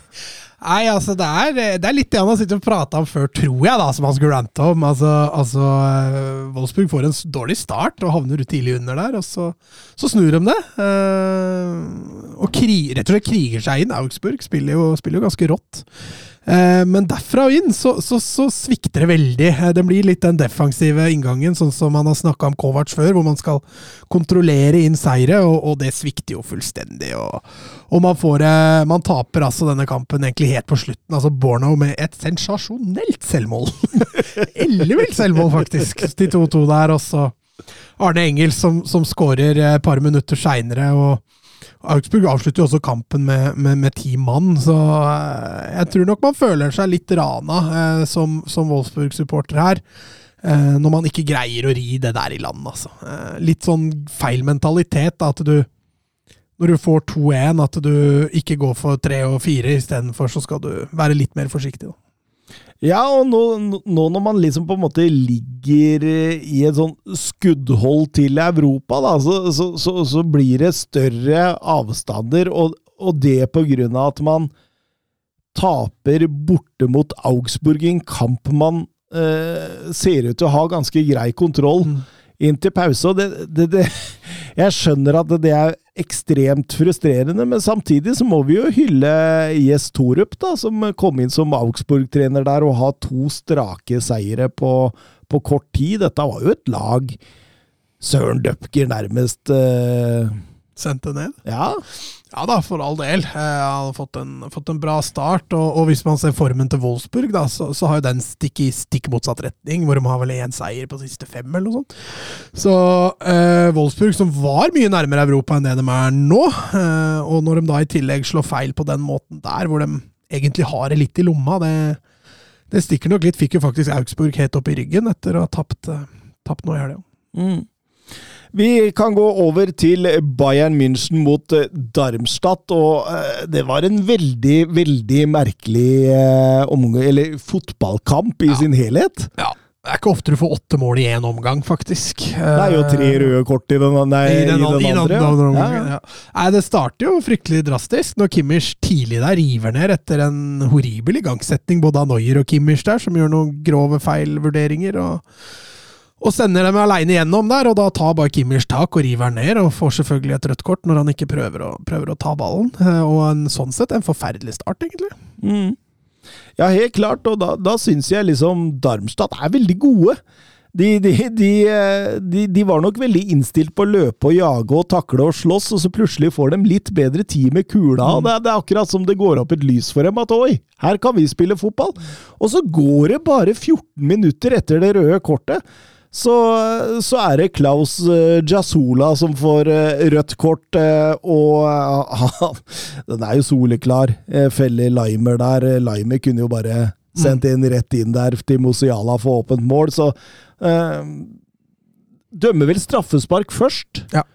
Og så blir VAR involvert i forhold til det røde kortet, og da ser han jo også at eh, Ja, han får jo gult kort. ja, Og så kommer VAR inn. ja, Og da gjør han også om til rødt, samtidig som han også gjør om til, eh, til frispark. Ja, Så da er det plutselig ti mot ti, og da tenker jeg at eh, nå kommer eh, Darmstadt til å bli karnøfla, fordi ti mot ti, det betyr større rom på banen. Og, og du skal ikke gi så mye store rom til, eh, til Koma og Sané, Sané. Og, og Kane. Men, men, men likevel, jeg syns de klarer seg bra, Darmstadt. De, de jobber, de sliter, de holder på ball, de prøver å finne rom. Eh, og, og klarer egentlig å holde Bayern München ganske langt unna. Fram til kommer et nytt rødt kort på Maglika, og, og Klas Grønlien spør syk kamp på Allians, men var ikke Maglikas røde kort litt strengt? Mener de skulle spilt ti mot ti her, da kunne det faktisk blitt en annen kamp, for Darmstad imponerte i første omgang. Ja, ja, med Men, men, er, men er den streng? Ja, altså Du sitter jo og heier litt på underdogen da, når det er en så klar underdog. Og da føler du det er litt strengt, men, men det er kanskje ikke det. Eh, Kane hadde satt den der. Altså Det er skrått, det er jo det som gjør Ja. at du tenker at han er litt kjip. da, eh, Fordi du ser kanskje ikke at det er en obvious skåringsmulighet. Men eh, han er jo bakerste mann på banen der, og, og tar jo på ingen måte ball, så ja. Vanskelig å konkludere sånn klink. Men da går de jo inn til pause med 0-0. Eh, noe de hadde tatt ti av ti ganger før kamp, men kanskje ikke det at de spiller ni mot ti. Det, det, da.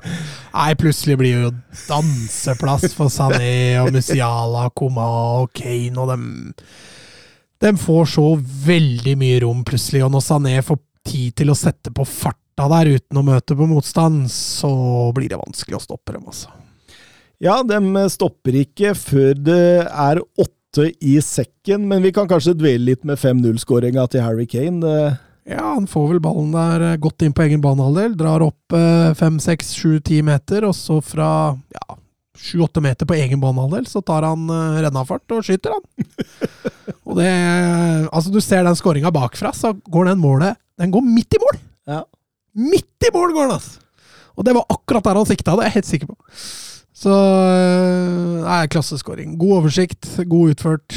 keeper på voldsom halvdistanse. Så må vi også ta med at Thomas Müller kom inn som innbytter og fikk et mål, og han skåra i 15 Bundesliga-sesonger på rad. Første Bayern München-spiller som gjør dette. Mehmet Scholl, Gert Müller og Klaus Algenthaler stoppa alle på 14. Så, så artig, det. Men det blei jo nesten ikke en fotballkamp til slutt. Det blei jo nærmest en, så ut som en showkamp med to skeivt inndelte lag, hvor det ene allerede hadde gitt opp. Det var jo, det var jo nærmest litt merkelig å sitte og se på. Når 1-0 først kom der, så var det Altså, du sier liksom ja, det er bare spørsmål hvor stor seieren skal bli, men det er veldig sjelden at den blir så stor. Men eh, det er klart, når, jeg syns jo Sané altså Når du gir han Når han får sånne rom, da altså du, du får trusler overalt. da, Det blir umulig å forsvare, for det er rom overalt. Du, får, du har ikke kjangs til å dekke det. Og Musiala kreativ, Kane målfarlig, Sané, Koma, Müller kommer inn der, kan begynne å danse litt. Nei, det blei ble for mye. Steffen Hansen, eh, ta gjerne opp spørsmålet for noen uker siden. Eh, ni kamper, tolv mål og fem assist. Er Bundesliga for lett for Harry Kane? Og jeg vil gjerne at det diskuteres litt mer rundt det, ikke bare avfeies av Søren. Ja, Nå er jo ikke han her, da.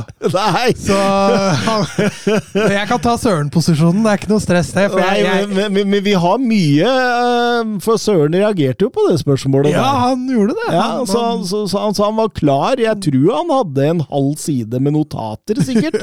Bare på det der, men han er ikke helt enig i at det er for enkelt, da. Nei, og jeg er enig med han i at eh, Har Haaland det for enkelt i City? Nei, det har han vel ikke. Han skårer jo mer der enn han gjør i Dortmund. Ja, er Ligger de ikke ganske likt, da? Jeg Ja, tror, jeg tror han er ganske, ja, ganske Ja, fordi det argumentet føler jeg egentlig er ganske greit. Altså, eh, når, du spiller, når du er en toppspiller og spiller for et topplag, så i en hvilken som helst liga, så, så vil du skåre mye mål. Og eh, avfeie Bundesliga kontra Premier League bare fordi Kane drar dit og skårer mye mer mål enn det han gjorde når han var i Tottenham, det er, eh, det er litt for sammensatt til at man Jeg føler man bare kan enkelt feie det av som at han spiller i en dårligere liga. Eh, åpenbart så tror jeg nok de fleste båndlaga i Bundesliga taper mot de fleste båndlaga i i Premier League, men når du setter en klassespiller på topplag, uavhengig av hvilken liga du gjør, så kommer det til å bli mye mål. Og det ser man typ Haaland, typ Kane, typ Lewandowski, typ Bellingham. Er man god nok, så er man god nok overalt. Ja.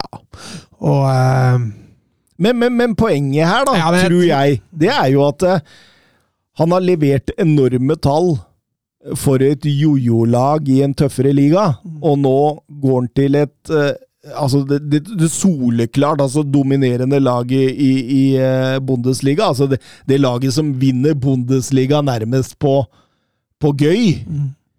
Eh, og hvor Lewandowski har vært før han og bare eh, satt rekord på rekord på rekord. Og, og Lewandowski er ikke nødvendigvis en bedre nier enn en Harry Kane. Så jeg, så, så, så jeg tenker jo at eh, at eh, De tenker jo sånn at trolig vil han få flere sjanser, og dermed også vil det bli flere mål. ja, ja. Og jeg tror Kane hadde skåret minst like mye mål i, som han gjør nå i Bayern, hvis han hadde spilt i City, for eksempel. Så eh, Det handler litt om lagkompisene dine. Det handler selvfølgelig litt om, om, om klubben du spiller i. Um, så at, at eh, det det jeg føler det blir litt for lett å, skyld, å gåseøyne skylde på Bundesliga, da. Eh, Tror du de fæle lyttere her er ute etter å hisse opp Søren Dupker? ja, det tror jeg. Unner ikke han det, vet du. Men, men, men, men en ting vi kan sette Søren kanskje litt på plass på. Da. Han, var, han var ikke Han trodde ikke Kane skulle oppnå Lewandowski-tall, men det ser jo kanskje ut som han kan få. Ja. Og ja, det er sånn typ 35-40 mål i løpet av en sesong, er det Ja, det du ja. ja. ja, så han er jo på vei dit. Uh, man spiller jo bare 34 kamper, men han ligger jo godt foran skjemaet til å skåre mer enn ett mål i snitt, så at han kan bikke 35 hvis han ikke, ikke blir skada, det, det ligger veldig godt an i korta. Hadde ikke Lewandowski 42 på sin beste sesong? Ja, Gikk han ikke ett mål forbi Müller?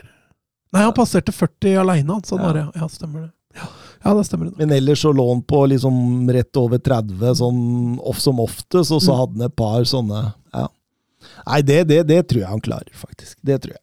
Bare for å gi et lite stikk til Søren, men vi er jo for så vidt enige om at Bundesliga er jo ikke for lett. Det, det, det handler jo om at gode spillere, de er gode overalt, Mm. og, og, eh, men, men at eh, at eh, Harry Kane sannsynligvis vil få flere sjanser i Bayern München enn det han vil få i Tottenham, det er jo ganske Jo, altså, altså Men det ville han fått i City òg. Ja, men pluss at i Tottenham så bar han jo hele laget.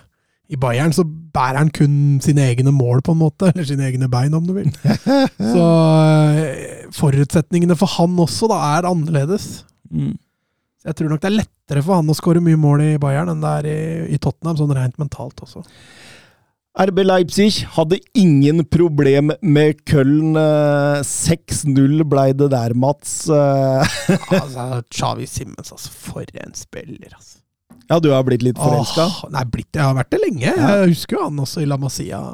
Mest pga. håret, men altså spillestil nå. Altså, han, han er blitt en nydelig fotballspiller, og han viser jo i Glimt også i den kampen her eh, hva, hva han står for. Og den ene assisten han har til Openda der, den uff. Ja, ja. Det, det, det var full danseplass og, og høvleri på, på låve, låvefestival, dette her. Det, Altså, Køllen hadde jo var ikke i nærheten i første omgang her, spesielt.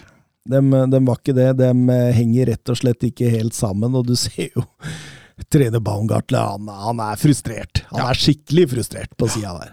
Ja, det er lite som gikk den veien, men, men er, Leipzig har imponert i år, sånn all over. De har variert litt, som kanskje er å forvente med så mange nye spillere, men, men toppnivået til Leipzig i år, eh, det er ganske høyt. Mm. Noen år om Openda sin start i, i Bundesliga, skriver Claes Grønlien. Han eh, har vel ti målpoeng på ni Bundesliga-matcher. Han har også mål i, i, Champions League og holder eh, store spisser som Timo Werner og, og Benjamin Cesco på, på benk.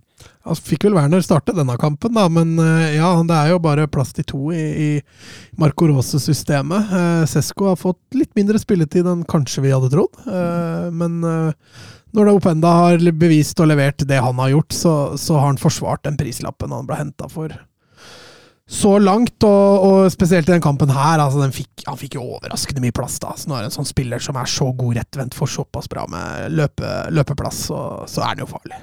Husker vi sa når overgangen var klar, at uh, dette blir enten en stor fiasko eller en stor suksess. Det blir ingen mellomting. Det har jo blitt en stor suksess, egentlig. Ja, Du konkluderer allerede nå, ja? Ja, jeg syns jo det. Jeg syns han ser ut som han altså han er som skapt, altså som skreddersydd til Marco Rose-fotballen der. og og han er en sånn dukke-opp-spiss med, med ekstremt god timing i det han gjør. Så liksom Vanskelig, liksom Han er god på det og det, men han er, han er så Han er så effektiv! Så det, det, det, ser veldig, veldig bra ut. Og, og, da kan vi jo gå over til eh, spørsmål fra Oskar Pepito, for det handler om eh, spisskonkurrenten hans Benjamin Cesco. Eh, ser ekstremt spennende ut, skriver han. Hvor uheldig er det for utviklinga at han får så lite spilletid? Kan det være en angriper for Dortmund og Chelsea? Og jeg, jeg tenker jo utvikling, det kan RB Leipzig og Marco Rose. Jeg er ikke bekymra et sekund. Ja, ikke jeg heller, og det er altfor tidlig å begynne å rope varsku rundt Cesco. Han har fått uh, litt spilletid. Han, han, kommer fra en litt uh, liga som er et stykke unna Bundesliga. Uh, han skal ha litt tid. Og jeg tenker Leipzig er fornuftige, som ikke kaster han fast inn i den elveren her fra starten av, hvor, hvor fallhøyden da kan også bli litt større. Eh, så at han mm, hva skal vi si, slippes rolig ut i vannet før han skal dra av gårde, det, det tror jeg er fornuftig. Jeg tror de har, eh, har god kontroll på, på utviklinga hans. Eh, og som sagt, de spiller jo ofte med, med, med to spisser, og, og at uh, Openda blir den ene, det er vel godt sannsynlig. Og at Cesco etter hvert blir den andre, det ser jeg også på som uh, sannsynlig. Mm.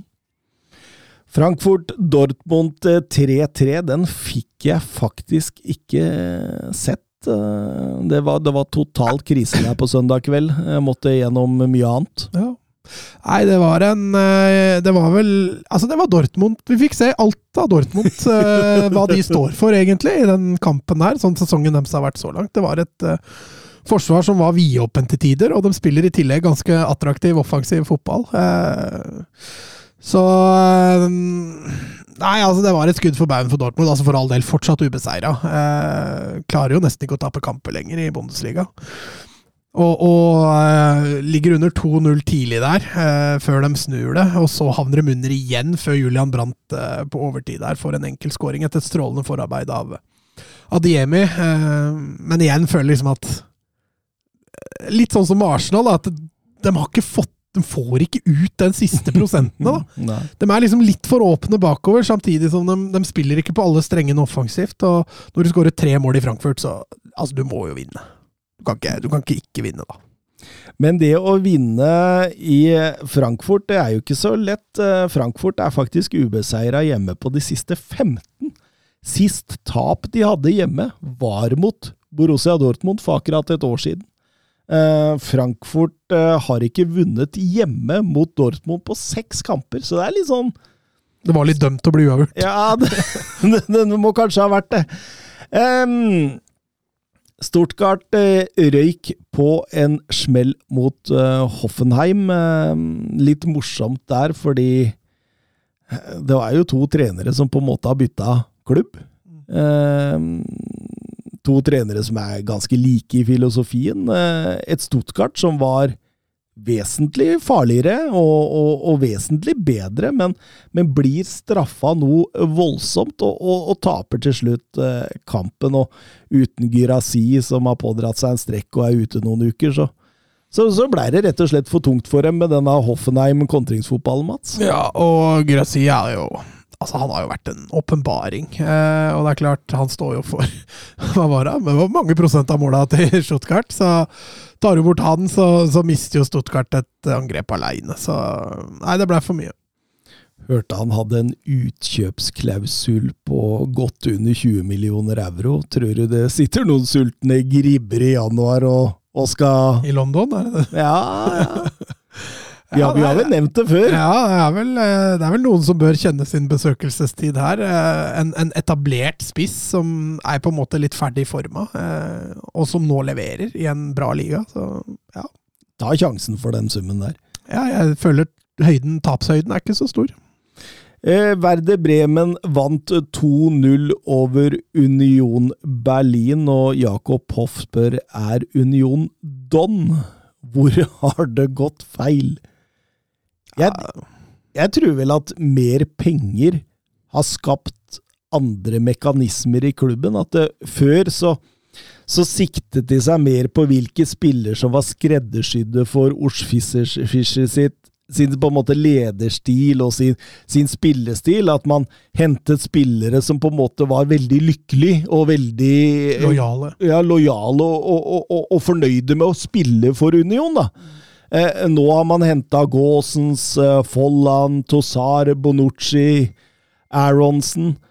Og det, og det, er spillere som ikke nødvendigvis ser på det som karrierens høydepunkt å spille for Union, og som nødvendigvis ikke er 100% trofaste på det å spise ut av handa på Ors Fischer, og, og, og, um, kun uh, med det å stå balansert, kompakt og angripe når man kan, og ikke alltid når man vil. At man har gått litt på akkord med seg sjøl, da. Og et veldig godt bilde på det du nevner der, er jo når Fofana ble bytta ut i, Champions League, var det vel, nå i midtuka, hvor han altså ikke tar Ur Fischer i hånda når han ble bytta ut. Ja, det hadde ikke skjedd for ja, et år siden. Til, sånn Demonstrativt, liksom, du bytter ikke ut meg, da. Eh, og nå har han da plutselig fått spillere å forholde seg til som setter seg sjøl høyere enn laget, da. Så skal det sies at Fofana gikk ut og beklaga seg veldig etterpå, men, men det er et godt bilde på det som kan være feil i, i Union. Ja, ja, ja, absolutt. Jeg, jeg, vil tro det. Med Champions League-deltakelsen og 100 millioner euro inn på konto, så jeg tror kanskje den opprinnelige transfer-lista over spillere de har scoutet, da, har blitt kasta, og så er det blitt laga en ny liste. Det blir det samme som å, å, å, handle hele livet på Kubus, Kubus, eller hva det heter. Kubus, Kubus, heter det noe sånt? Kubus? Ikke Kubus. Ikke Kudos. handle på Kudos. Heter som Maurits. ja, vi, vi, tar, vi, handler på HM. Nei, men det blir jo litt sånn at du handler på HM, da, så plutselig får du penger nok til å handle på Ferner Jacobsen, liksom. Da på Louis Vuitton? Ja, Louis Vuitton. Det, det, det, du mister deg sjøl litt i prosessen, da, og glemmer kanskje litt hva som skapte suksessen i laget. Jeg tror kanskje man er litt der med Union, altså. Mm. Eh, Leverkosen vant også en litt sånn sliteseier.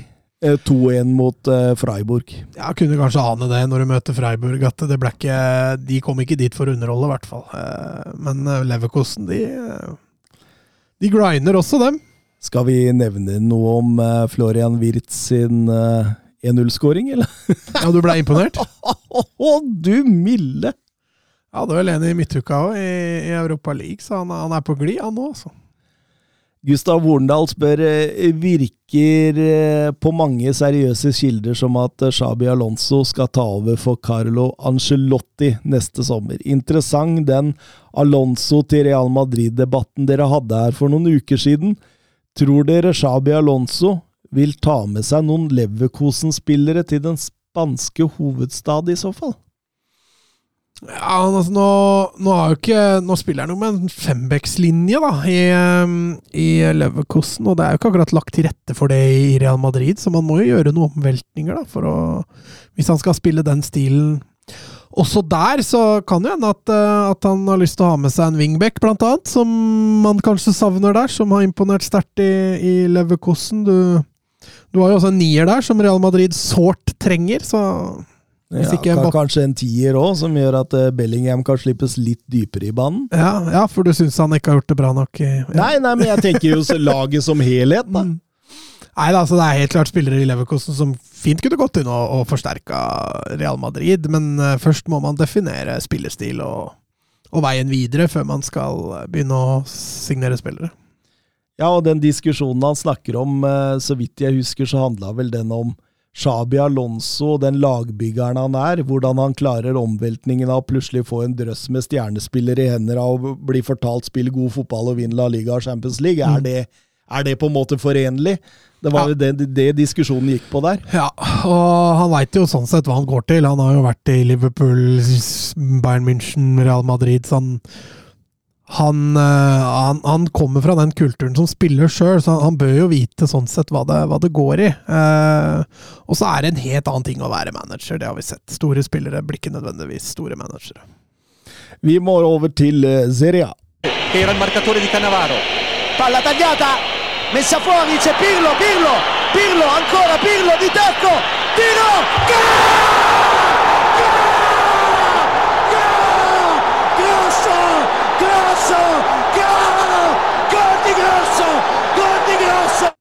Og der begynner vi med Juventus mot eh, Hellas Verona.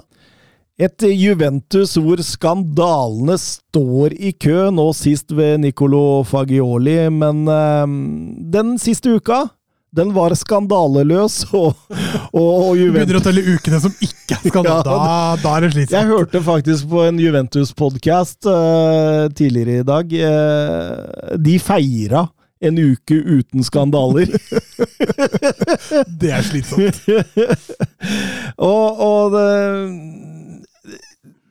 Juventus eh, de, de eh, åpner bra, mye på ball. eh, Hellas Verona ligger tilbake i 5-3-2, forsøker å tette igjen spesielt de sentrale kanalene. Og, og Juventus har god kontroll spillemessig, men skaper ikke sånn voldsomt med sjanser. Nei, de har selvfølgelig overtaket spillmessig når Verona ligger så lavt, men eh, det er litt sånn Juventus-typisk som det vi har etterlyst. Det mangler liksom den kreativiteten, da, når, spesielt når man møter lag som ligger lavt. Eh, samtidig oppløftende må jo være også for Juventus-fansen å se også Juventus kan prege kampene med ball, for det er ikke alltid vi har sett, selv mot dårligere motstand. Nei, og det var en vanvittig scoring av Moise Keane der, som blir annullert etter tolv minutter der. der. Der viser han mer Victor Oshimen enn Mario Balotelli. Du, du, du, har- du har fått veldig mye Balotelli inn, men, men dette her var strålende. Han, han, han, jeg jeg syns han var veldig god i denne første omgangen. Ja, nei, da viste han litt talentet sitt, egentlig. Altså, det har jo vært litt sånn evig talent over han. Mm, absolutt. Eh, Juventus har god kontroll, men de klarer ikke å, å, å, å, få ballen i mål. De klarer ikke å få det der lille ekstra hakket opp for, som setter virkelig Hellas Verona på prøve. Og, og eh, det, det fortsetter for så vidt utover i, i annenomgangen der. Og eh, Ja, nei den, etter hvert så, så, så, så har de et såpass greit press uten å få noe skade Nei, skulle få noe mål, og man, man, man tenker no, no, noen skandaler. og man tenker jo til slutt at dette blir 0-0, men så plutselig dukker det opp en, eh, en reddende engel som eh, ikke nødvendigvis er en vanlig målskårer for Juventus. Nei, det har stort navn, da, sånn, eh, sånn italiensk fotballhistorisk. men uh, han, han har ikke for vane å skåre mye mål, nei, det er riktig. Uh, Cambiasso der som får god treff. Da koker det helt over der. Mm. Altså, Allegri han pådrar seg et rødt kort i feiringa. Hva, hva er det, som skjer der, liksom? Det, det, det Jo, men litt sånn passion fra han, er ikke det noe man har savna litt da? Litt Jo. den der lidenskapen. Ikke Ikke bare pottesur, liksom. Ja, og traust. Mm. Eh, Det var litt følelser i den mannen allikevel. Og da, da, da vinner Juventus igjen. Altså, de er på en god flow. Mm. Eh, selv om det, det, det er marginalt veldig ofte. Eh, vi går over til Inter mot Roma. Eh, det var jo bygd voldsomt opp til denne matchen. Lukaku tilbake igjen på San Siro. Eh, det, det, skulle bli stort, det skulle bli et skikkelig toppoppgjør, og så får vi egentlig en dørgende kjedelig fotballkamp fra to lag som Det ene det er mer enn godt fornøyd med å ikke slippe inn mål, og det andre prøver å skåre mål, men klarer det ikke helt. Jeg evner ikke. Eh, nei, altså, det er jo kampen om fløyta, er det riktig å si. Eh, de sto jo delt ut fløyter der som skulle blåses i hver gang Lukaku hadde ball, så det var vel eh, Blåste fire ganger inn, eller Ja. noe sånt. Det var, var, eh, var litt av et opplegg, men eh, nei, det blei jo en kjedelig fotballkamp. Eh, Roma som bare legger seg lavt, og, og de tar jo knapt nok kontringene de får muligheten til å ta. Og, og Inter, som du sier, altså de har Eh, noe. De har noe, altså Solanoglu og, og Mkhitaryan prøver å drive opp eh, så ofte de kan der. Turam er for så vidt farlig fram på et par ganger, han altså. Eh, Men det blir liksom ikke det jevne trykket du får da inn i boksen til Roma der, når de ligger så kompakt, så lavt. Han sendte jo ikke akkurat ut på de mest offensive midtbanespillerne han hadde heller der, Mourinho, så det var åpenbart hva han ville ha. Ja, helt klart. Jeg, jeg, jeg syns Inter var bra i perioder, i små perioder.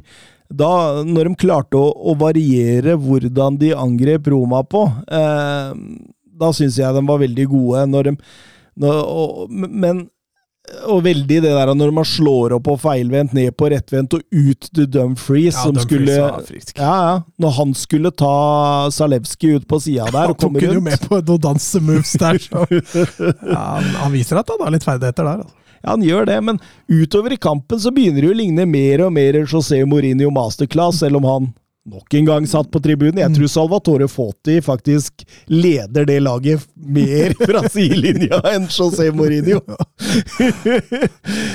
Men så dukker han opp, da. Markus Tyram. Ja, han eh, dukker opp der på bakerst og eh, Ja, det er, det er en av få ganger hvor de får litt rom. Altså, du så det par tendenser innimellom hvor Roma sender fram litt folk, og det er da Inter får de største sjansene. Eh, så tilfellet her òg, ti minutter før slutt, eh, får de ja, Vi kaller det en kontring, hvor de, hvor de ballen, holder ballen sentralt så lenge som mulig før de slipper den ut bredt. Og, og foran mål, der er Turam og, og pirker inn.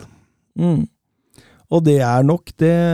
Roma sliter med å komme tilbake, har brent for mye krutt, eh, klarer ikke å skape noe sluttspurt. eh, Og da Nei, Inter er nærmere 2-0. Fantastisk skudd der av Carlos Augusto, som banker den i tverrleggeren mot slutten der. og og, og Inter tar nye tre poeng og, og viser at de både kan vinne med å spille ut motstanderen sønder og sammen, men også kan ta på seg kjeledressen og arbeidshansker og virkelig grave etter eh, tre poeng. Eivind Stølen spør Interfansen Inter-fansen fikk valuta for pipeblåserne de hadde fått utdelt for anledningen for å bue ut Lukaku. Jeg, jeg fikk dem det, Eivind Stølen. Lukaku var jo knapt nok nær ballen. Eh, en stor sjanse til Roma, ellers dominerende ballinnhab og god kontroll fra Inter. 1-0 lyver kanskje litt. Tilfeldig at Tyram som avgjør det. Det, ja, det kunne like godt vært Lautaro Martinez, eh, men at eh, det er tilfeldig at Inter avgjør det, det er det ikke. Fordi det, de har mye mer offensivt å gå på enn det Roma har. Ja, og, men er litt sånn mentale inngangen nå, da Inter gikk for å på en måte vinne. Det var det mentaliteten var. Mens man satt liksom med følelsen at Romas mentalitet var 0-0. Ja. Og når Inter først fikk 1-0, så er det som du sier, altså, du, vi fikk ikke noen reaksjon fra Roma. fordi de, gikk, de tapte kampen idet de skårte, da. Eh, og det eh, Nei, jeg følte heller ikke at det var tilfeldig. Eh, Bernt Olav Gjellegjerde Hansen spør Tyram blir sesongens kolomani. Hentes gratis omtrent uten konkurranse og blir verdensstjerne. De største klubbene kommer til å by mye penger for Ja, man kan jo godt kalle han sesongens uh, Kolomoani i form av at han ble henta gratis og gjør det meget bra, men det er en viss forskjell å dra til Frankfurt fra Nantes kontra å dra fra Borussia München-Gladbach til Inter. Jeg tviler vel på at det kommer de helt store pengene på bordet for Markus Thuram allerede i sommer. Nei, det tror ikke jeg heller. Jeg tror han må prestere mer over tid, pga. sin varierende form i Gladbach, egentlig. Jeg så pappa satt på tribunen. Ja. Lillian Thuram. Ja, ja, ja. Han har jo noen tyrammer rundt omkring i Europa, altså. Han har litt, han har vært litt rundt omkring. Han må på mange kamper han, hvis han skal følge alle. følge alle unga. Ja. Han for å ha vært busy i ungdomstida. ja. Eh, Napoli-Milan 2-2. Eh, kamp mellom de to siste Scudetto-vinnere. Eh, Victor Oshimen skada. Eh, gikk også rykter i italienske medier om at Napoli vurderer Feinor-angriper Santiago Chiminez fordi de begynner å innse at de mister Victor Oshimen i løpet av kort tid. Eh, det er ikke så mange klubber som kan hente ut Oshimen. Nei, og med tanke på at Bayern egentlig blei uaktuell i sommer, så, så, er den lista litt kortere, faktisk. Nesten, nesten halvert, faktisk. Ja. Så det er som du sier, det er ikke så mange, mange, der. Og med tanke på at Real Madrid nok har sett seg ut en Bappe som sin uh, fremtidige nier, så, så, er det vel kanskje en i Frankrike og, og kanskje en eller to i, i, England som kan være aktuelle. Uh, uh, og han blir ikke billig. Han blir ikke billig, derfor ryker vel sikkert det ene franske der også, så Nei, det, det, det, det kan godt hende det, kan skje noe i forhold til Chelsea fotballklubb i løpet av de to nærmeste vinduene. Det, ligger litt an til det, men, eh, men eh, enn så lenge han er i Napoli, han leverer godt i Napoli, men nå er han skada, og nå skulle man fylle romma etter han. Eh, det var vel egentlig en kamp med to omganger, for å si det sånn. Den ene ja. omgangen dominerte Milan, og den andre så tok Napoli fryktelig igjen. Ja, uh, Milan som styrer første omgang, med et unntak av Politano der, som har en ufattelig miss altså, på åpent mål der. Etter strålende forarbeid av Karasjkela. Ja, den han kommer skrått? Ja, det er helt utrolig at han ikke får den i mål, men uh, Uh, Giroud der, som kjører litt show, er jo godt fornøyd på, på Maradona stadion. og har en tendens til å score der og gjør to nye mål der. Litt flyt på den første, men den andre er uh, klassisk Giroud-skåring. Uh, og i andre omgang så er det som du sier, da er det Napoli som, som styrer showet, og den skåringa til Politano, det var litt sånn Får igjen for at han misser den første der, for der hadde han bestemt seg, altså. Mm. Og, og 2-2-skåringa, ellevilt frispark fra Raspadori, den, den kommer fort, den faktisk det første frisparkmålet i Serie A denne sesongen. Ja. Mm.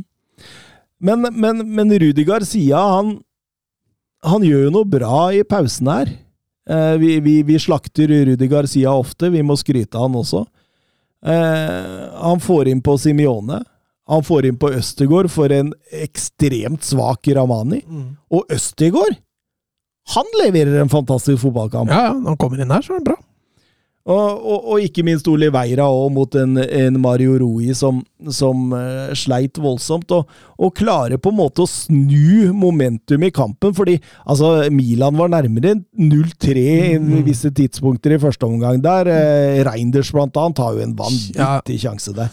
Så, så, så, hvordan han har klart, klarer å snu dette i pausa, gjøre noen enkle bytter Østegård kommer inn, leverer strålende. Han leverer strålende på ball òg. Eh, og, og, og, at man liksom får satt opp Kvarasjkela mer i de riktige posisjonene. Man får utnytta eh, Politanos egenskaper der. Raspadori gjør seg gjeldende igjen. Og, og, plutselig så ser det mye, mye bedre ut. og Det blir en sånn deilig nerve og intensitet over kampen der, som du egentlig tenkte kanskje du fikk i, i Inter Roma også, men som du ble litt frarøva. Så det var liksom befriende å se på, da. Ja, så fikk du dynamikken på slutten der, hvor Napoli eh, trykka Milan litt bak, og så kontra Milan med Rafael Leao. Så du satt liksom og følte at her kunne begge lag stikke av med alle, alle tre poenga. Og Milan hadde jo én kjempesjanse på slutten, og Napoli hadde sin kjempesjanse på slutten, så det, det bikka.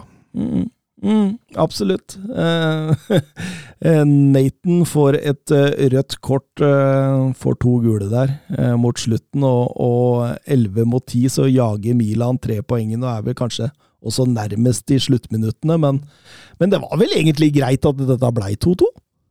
Ja, sånn sett kampen under ett, så var det, var det, greit. Det må nok føles litt flatterende for Milan, som, som leder 2-0 til pause der, og, og, har levert en strålende første omgang, og ikke, ikke greier å, være gans, er egentlig ganske langt unna i andre omgang. Uh, så det føles nok litt mer ut som et tap, sånn sett, tror jeg. Men uh, jeg tror Milan skal være godt fornøyd med det ene poenget de fikk, og så tror jeg Napoli føler seg bra, som greide å hente opp. Lazio-Fiorentina, den, ja, den er vel akkurat ferdig nå, tror jeg. Eh, egentlig litt spennende. Fiorentina kan jo ta seg opp på topp fire hvis de vinner denne kampen. Men det gjorde de ikke. Nei. Det er litt typisk Serie A! eh, da er det de eh, Det er jo faktisk de fire øverste der, Inter, Juventus, AC Milan og Napoli, det kan jo fort bli de fire som Ja, nå er Atalanta, da, for de vant. Mm. De vant i stad. De vant i stad, ja. Så de, de har tatt De over har krypet seg forbi Napoli. Deilig, deilig. Atalanta, det er jo et nydelig, nydelig fotballag. Nei, vi, jeg tror vi bare går til uh, Ligue. sur la frappe de Messi de, De de Mercado, oui. Mercado, et, et là aussi on a un petit peu de réussite. Griezmann sur l'appui, c'était bien joué avec Giroud. Oh. Sylvain Oh, Sylvain, il l'a vu Oui. Kylian Mbappé Kylian Ça fait 4 Et ça fait peut-être un quart de finale pour l'équipe de France 68e minute Oh, la joie collective parce qu'ils ont tous jailli du banc pour aller saluer cette passe décisive géniale de Giroud et ce doublé pour Ja, eh, Brest mot eh, Paris Saint-Germain. Paris Saint-Germain karnøfla Milan i Champions League i midtuka, og har respondert meget godt etter det stygge tapet på St. James' Park. Eh, åpner også best her, tar tak i kampen, tar tak i ballen, er tålmodig, bruker bredden og strekker på Brest, og, og får tidlig 0-1 ved Varen eh, Zaire Emry. Et fantastisk mål av unggutten, og det Akkurat det der, der det er et sånt bilde på kommende verdensstjerne når du gjør det der.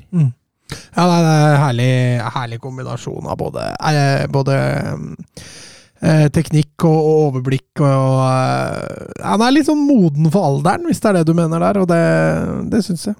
Mm.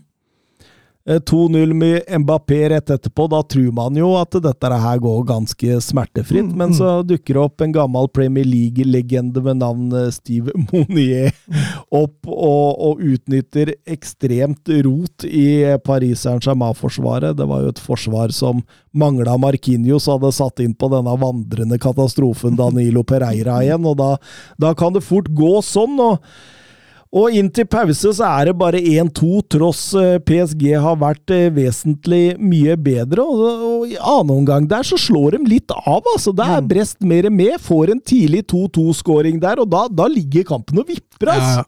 Ja, er nok en gang litt skuffende. Eh, Nå virka det som de var litt på gang under Luis Henrique, men, men den perioden der så er det litt sånn Det er klassisk PSG, da. Altså Begynne å surre litt sånn i kamper mot lag som Det er litt sånn uvane de har. eh, Men, Tilbake til Ja. Pochettino, tilbake til Tuchel, tilbake til det der. ja, ja, det, altså, liksom føler at ok, nå er de litt på gang, og så, og så, og så slår de litt av mentalt. Eh, Litt sånn derre Litt farlig syklus de har der, men, men de har den klassen da, som gjør at eh, i ligaø så, så det holder. Mm.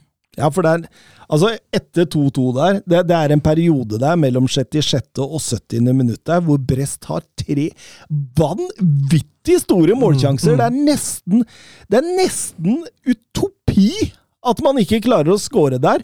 Eh, den ene er jo til og med en dobbeltsjanse, hvor Donnaroma faktisk viser klassen sin der. og og det ser nesten ut som Paris Saint-Germain har lukka rullegardina, tatt ferie og sagt at nå men, men, men, så likevel, da, så får de dette straffesparket. VAR kommer inn, dommer på skjerm. Ja, det var jo soleklart. Kolomani blir tatt av brasier der.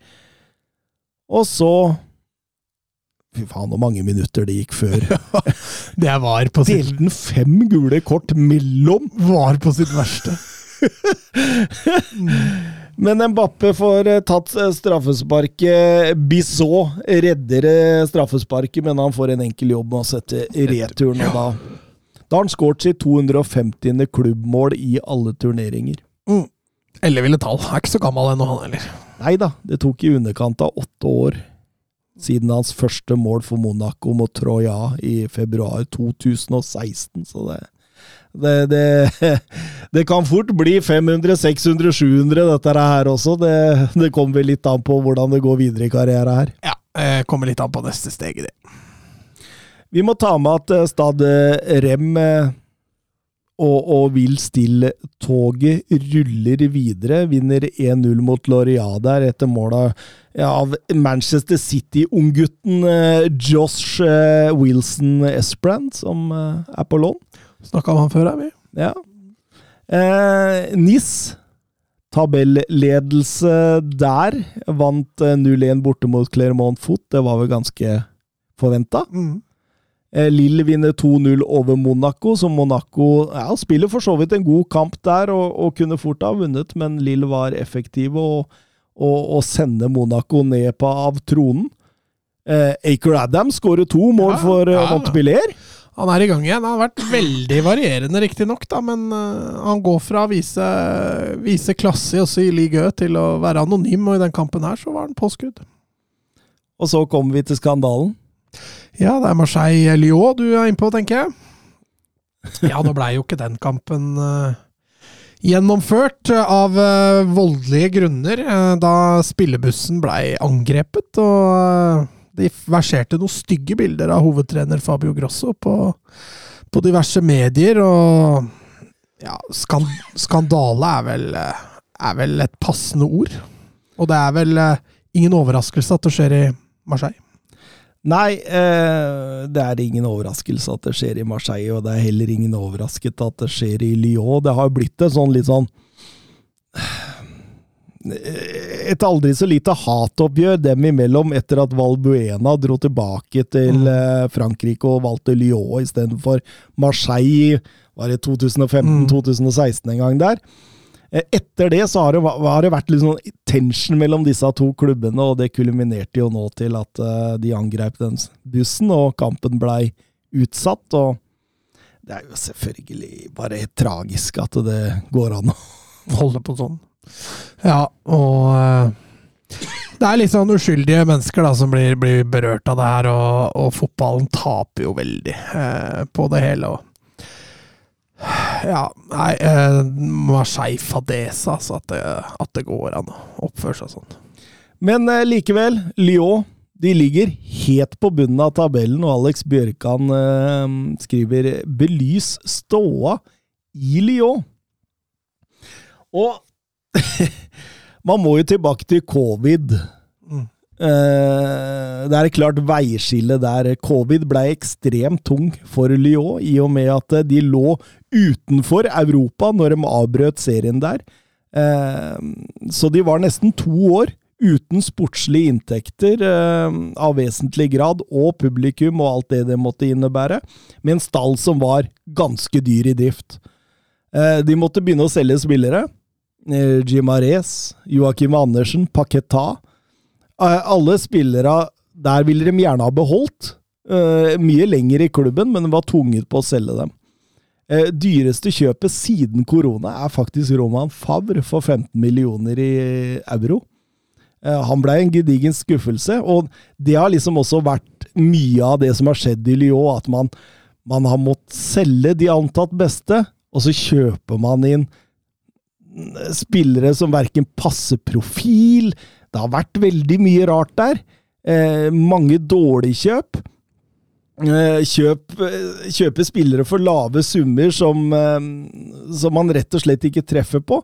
Og så er det ansettelsen av Peter Bosch og Laurent Blad som blei rett og slett feil, og samtidig med at de må da selge spillere, kommer seg aldri ovenpå økonomisk, så, så kulminerer jo det i det vi ser i dag, da. og når president Alas, som faktisk er en av de som på en måte har bringt Lyon opp til toppen Mm. av fransk fotball, når han gir seg eh, Jeg veit at han var gammel, og jeg veit at han kanskje telte på knappene, men han må jo ha skjønt noe. Mm. Fordi når John Texter tar over, så, så gjør han et økonomisk overslag av klubben, og så finner han ut at her må jeg ha 130 millioner euro fort for å ikke bli straffa. Mm.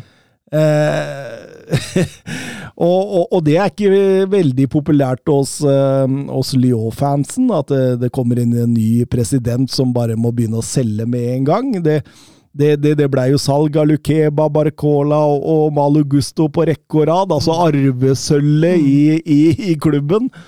Og nå er altså Fabio Grosso manager, med den kanskje den svakeste stallen Lyon noen gang har hatt i nyere tid, hvor flere av spillere som må dra lasset, har svikta fullstendig denne sesongen. Lacassette, Cherki, disse gutta Coquelin. her, ja, som, som, som, som har svikta, svikta tungt. og Uh, det, det, det, det, Grosso har en kjempejobb foran seg, altså. Oh, men vi tror de overlever. Ja, de overlever. Uh, de, de må overleve, for hvis de ikke overlever, så tror jeg rett og slett at uh, den fansen der kan sette hele stadionet i fyr, og så er det ikke noe Lyon mer. Mm. Fordi uh, man, man husker jo bildene fra Saint-Étienne når Mm. de rykka ned. Dette her blir fire ganger verre hvis, det, hvis dette skjer. Eh, vi har jo sett bildene av supporterlederen som står med megafon og spør alle spillere etter tapet mot Paris Saint-Germain om hva faen dere driver med, liksom. Eh, det er sinne, det er frustrasjon, det er stor kjærlighet til klubben, det er, det er livet. Ja, det er mye passion der. Så, så nei. Det der er eh, For fotballen, for fransk fotball. Vi må jo bare håpe de holder seg. Mm. Men det, det, det Når du taper borte mot Clermont fot for der Altså som Eh, ligger rett over. Ja, borte, den tapte hjemme. Ja, det var hjemme til og med. Det var hjemme til og med, ja. Stemmer det. De, ja, nei, det røyk der, ja. Nei, det er, det er, det er skrale greier, altså. Vebjørn Fredheim, hvilken seriemester er minst sannsynlig? Tottenham i Premier League, Girona i La Liga, bon Leverkosen i Bundesliga, NIS i Ligue Ø eller Fiorentina i Serie A? uh, ja, hvis oddsen er nok høyest på Fiorentina, tenker jeg. Ja, det tror jeg òg. Eh, og så er den nest høyest på Girona? Girona, og så tredje høyest på NIS. Men jeg tror ikke det er så stor forskjell der. Nei da, nei da, for all del. Altså, og at PSG ikke skal bli seriemester i Frankrike, det høres veldig utopisk ut.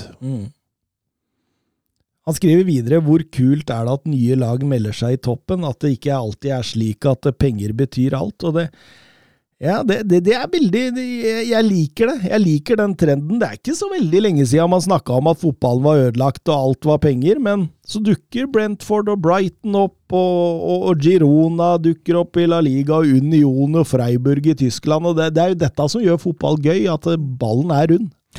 Ja da.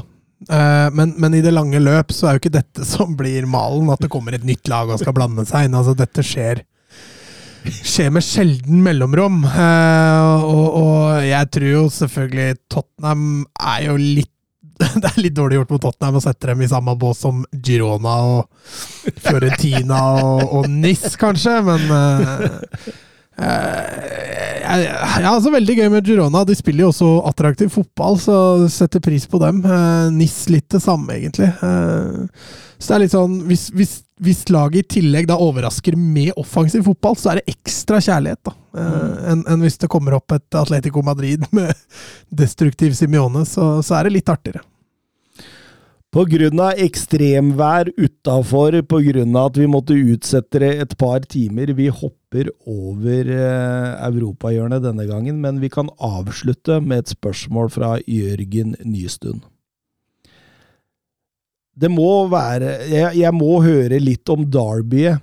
Litt om skandaletifoen, og om Vålerenga faktisk kan rykke ned. Det var et spørsmål til mitt hjerte, Mats. Om Vålerenga kan rykke ned? uh, ja, altså da gikk de jo på en fryktelig smell igjen i går mot, eh, mot Rosenborg, og det, det kan være definerende. Men det er klart, Vålerenga har det jo fortsatt i helt egne hender. De har HamKam igjen, de har eh, Stabæk. Så, så tar de seks poeng der, så, så tror jeg ikke de rykker ned. Altså 30 poeng tror jeg holder. Men sånn uh, Stefan Strandberg driver spiller fotball nå. Ja, det. Vær så god, kom og score. Eh, litt artig. Eh, koser oss da når han eh, driter seg ut gang på gang på gang, og så står han og klager på alle andre, og så er han hadde faktisk Altså, alle tre måla til Rosenborg i helga hadde han faktisk en delaktig skyld i, mer eller mindre, men, men likevel, han var en del av det, og han bomma på straffespark. Det er landslagsstopperen vår, altså! vi unner han det. Fy faen, jeg kan ikke Nei, altså når det gjelder derby, fy fader for en eufori, altså. eh, Helt rått. Eh, og, og det, det er litt sånn som var i en, en annen podkast her som jeg, jeg hørte på, at skadefryden var like stor som gleden, da. Ja, Fordi og- vi trenger jo ikke de poenga. Nei, det er jo egentlig ravende likegyldig om vi tok tre poeng der sånn sett, da, men akkurat det å slå Geir Bakke og Vålerenga akkurat i den kampen, altså det var så perfekt. Mm. Og den banneren var bare innertier, ass. Jeg, jeg digga det, og jeg elska at hele Fotball-Norge, som er anonyme, da eh, Og eh, ikke anonyme, men som er eh, Hva heter det for noe? Som Nøytrale. I, i, nøytrale. Anonyme! Alle anonyme i Fotball-Norge hadde en mening om det. Alle nøytrale i Fotball-Norge bare hata oss for det. Åh, jeg elska det, ass. Fantastisk. Særlig han der av Welhaven. Han han er slitsom, eller? Han er sli- Og så prata han i den ene debatten her om om, om fotballens fami, fotballfamilien måtte ha Så tenkte jeg fy faen, jeg husker du korona, eller? Og de meningene du hadde da? Ja, Fytte grisen, for en type. det er type, altså. Ja, han er slitsom. Men eh, det går fint an. Han, jeg lever fint med at han ikke liker dette. Det, det gjør meg ingenting. Blei et hederlig tap mot Bodø-Glimt i kveld. Jeg Fint du avslørte det. For den Oi. kampen skulle jeg inn og kose meg med nå, men da, Ja, da men slipper jeg det. Da, du veit ikke hva stillinga ble? Nei, men et tap det er nok til at jeg ikke gidder å se den i reprise. Men, men, men trodde du det skulle Nei, være jeg hadde jo Men når du sa hederlig tap, så ble det bare ett mål, da, eller? Eh, ja, det blei to. Det ble to, ja. Det blei Men, eh, men eh, hang lenge med, altså. Ok, ok. Og når de fikk 2-1 der i, i starten på annen, eller i midten av annen omgang der, så trodde man kanskje at man kunne få med seg noe, men Da ble det 3-1. mm, det blei det. Eh, Pellegrino han fikk en full colaflaske kasta etter seg, og han- det var nesten sånn at skitta han opp tilbake igjen. Ja, det skal man ikke le av. Å drive og kaste ting ned fra tribunen, det er en uting, altså. Ja da, for all del, for all del, men eh, er det noen som kanskje fortjener det, så kan det kanskje være Vi sier ha det, vi. Ja, adjø. Adjø. Messi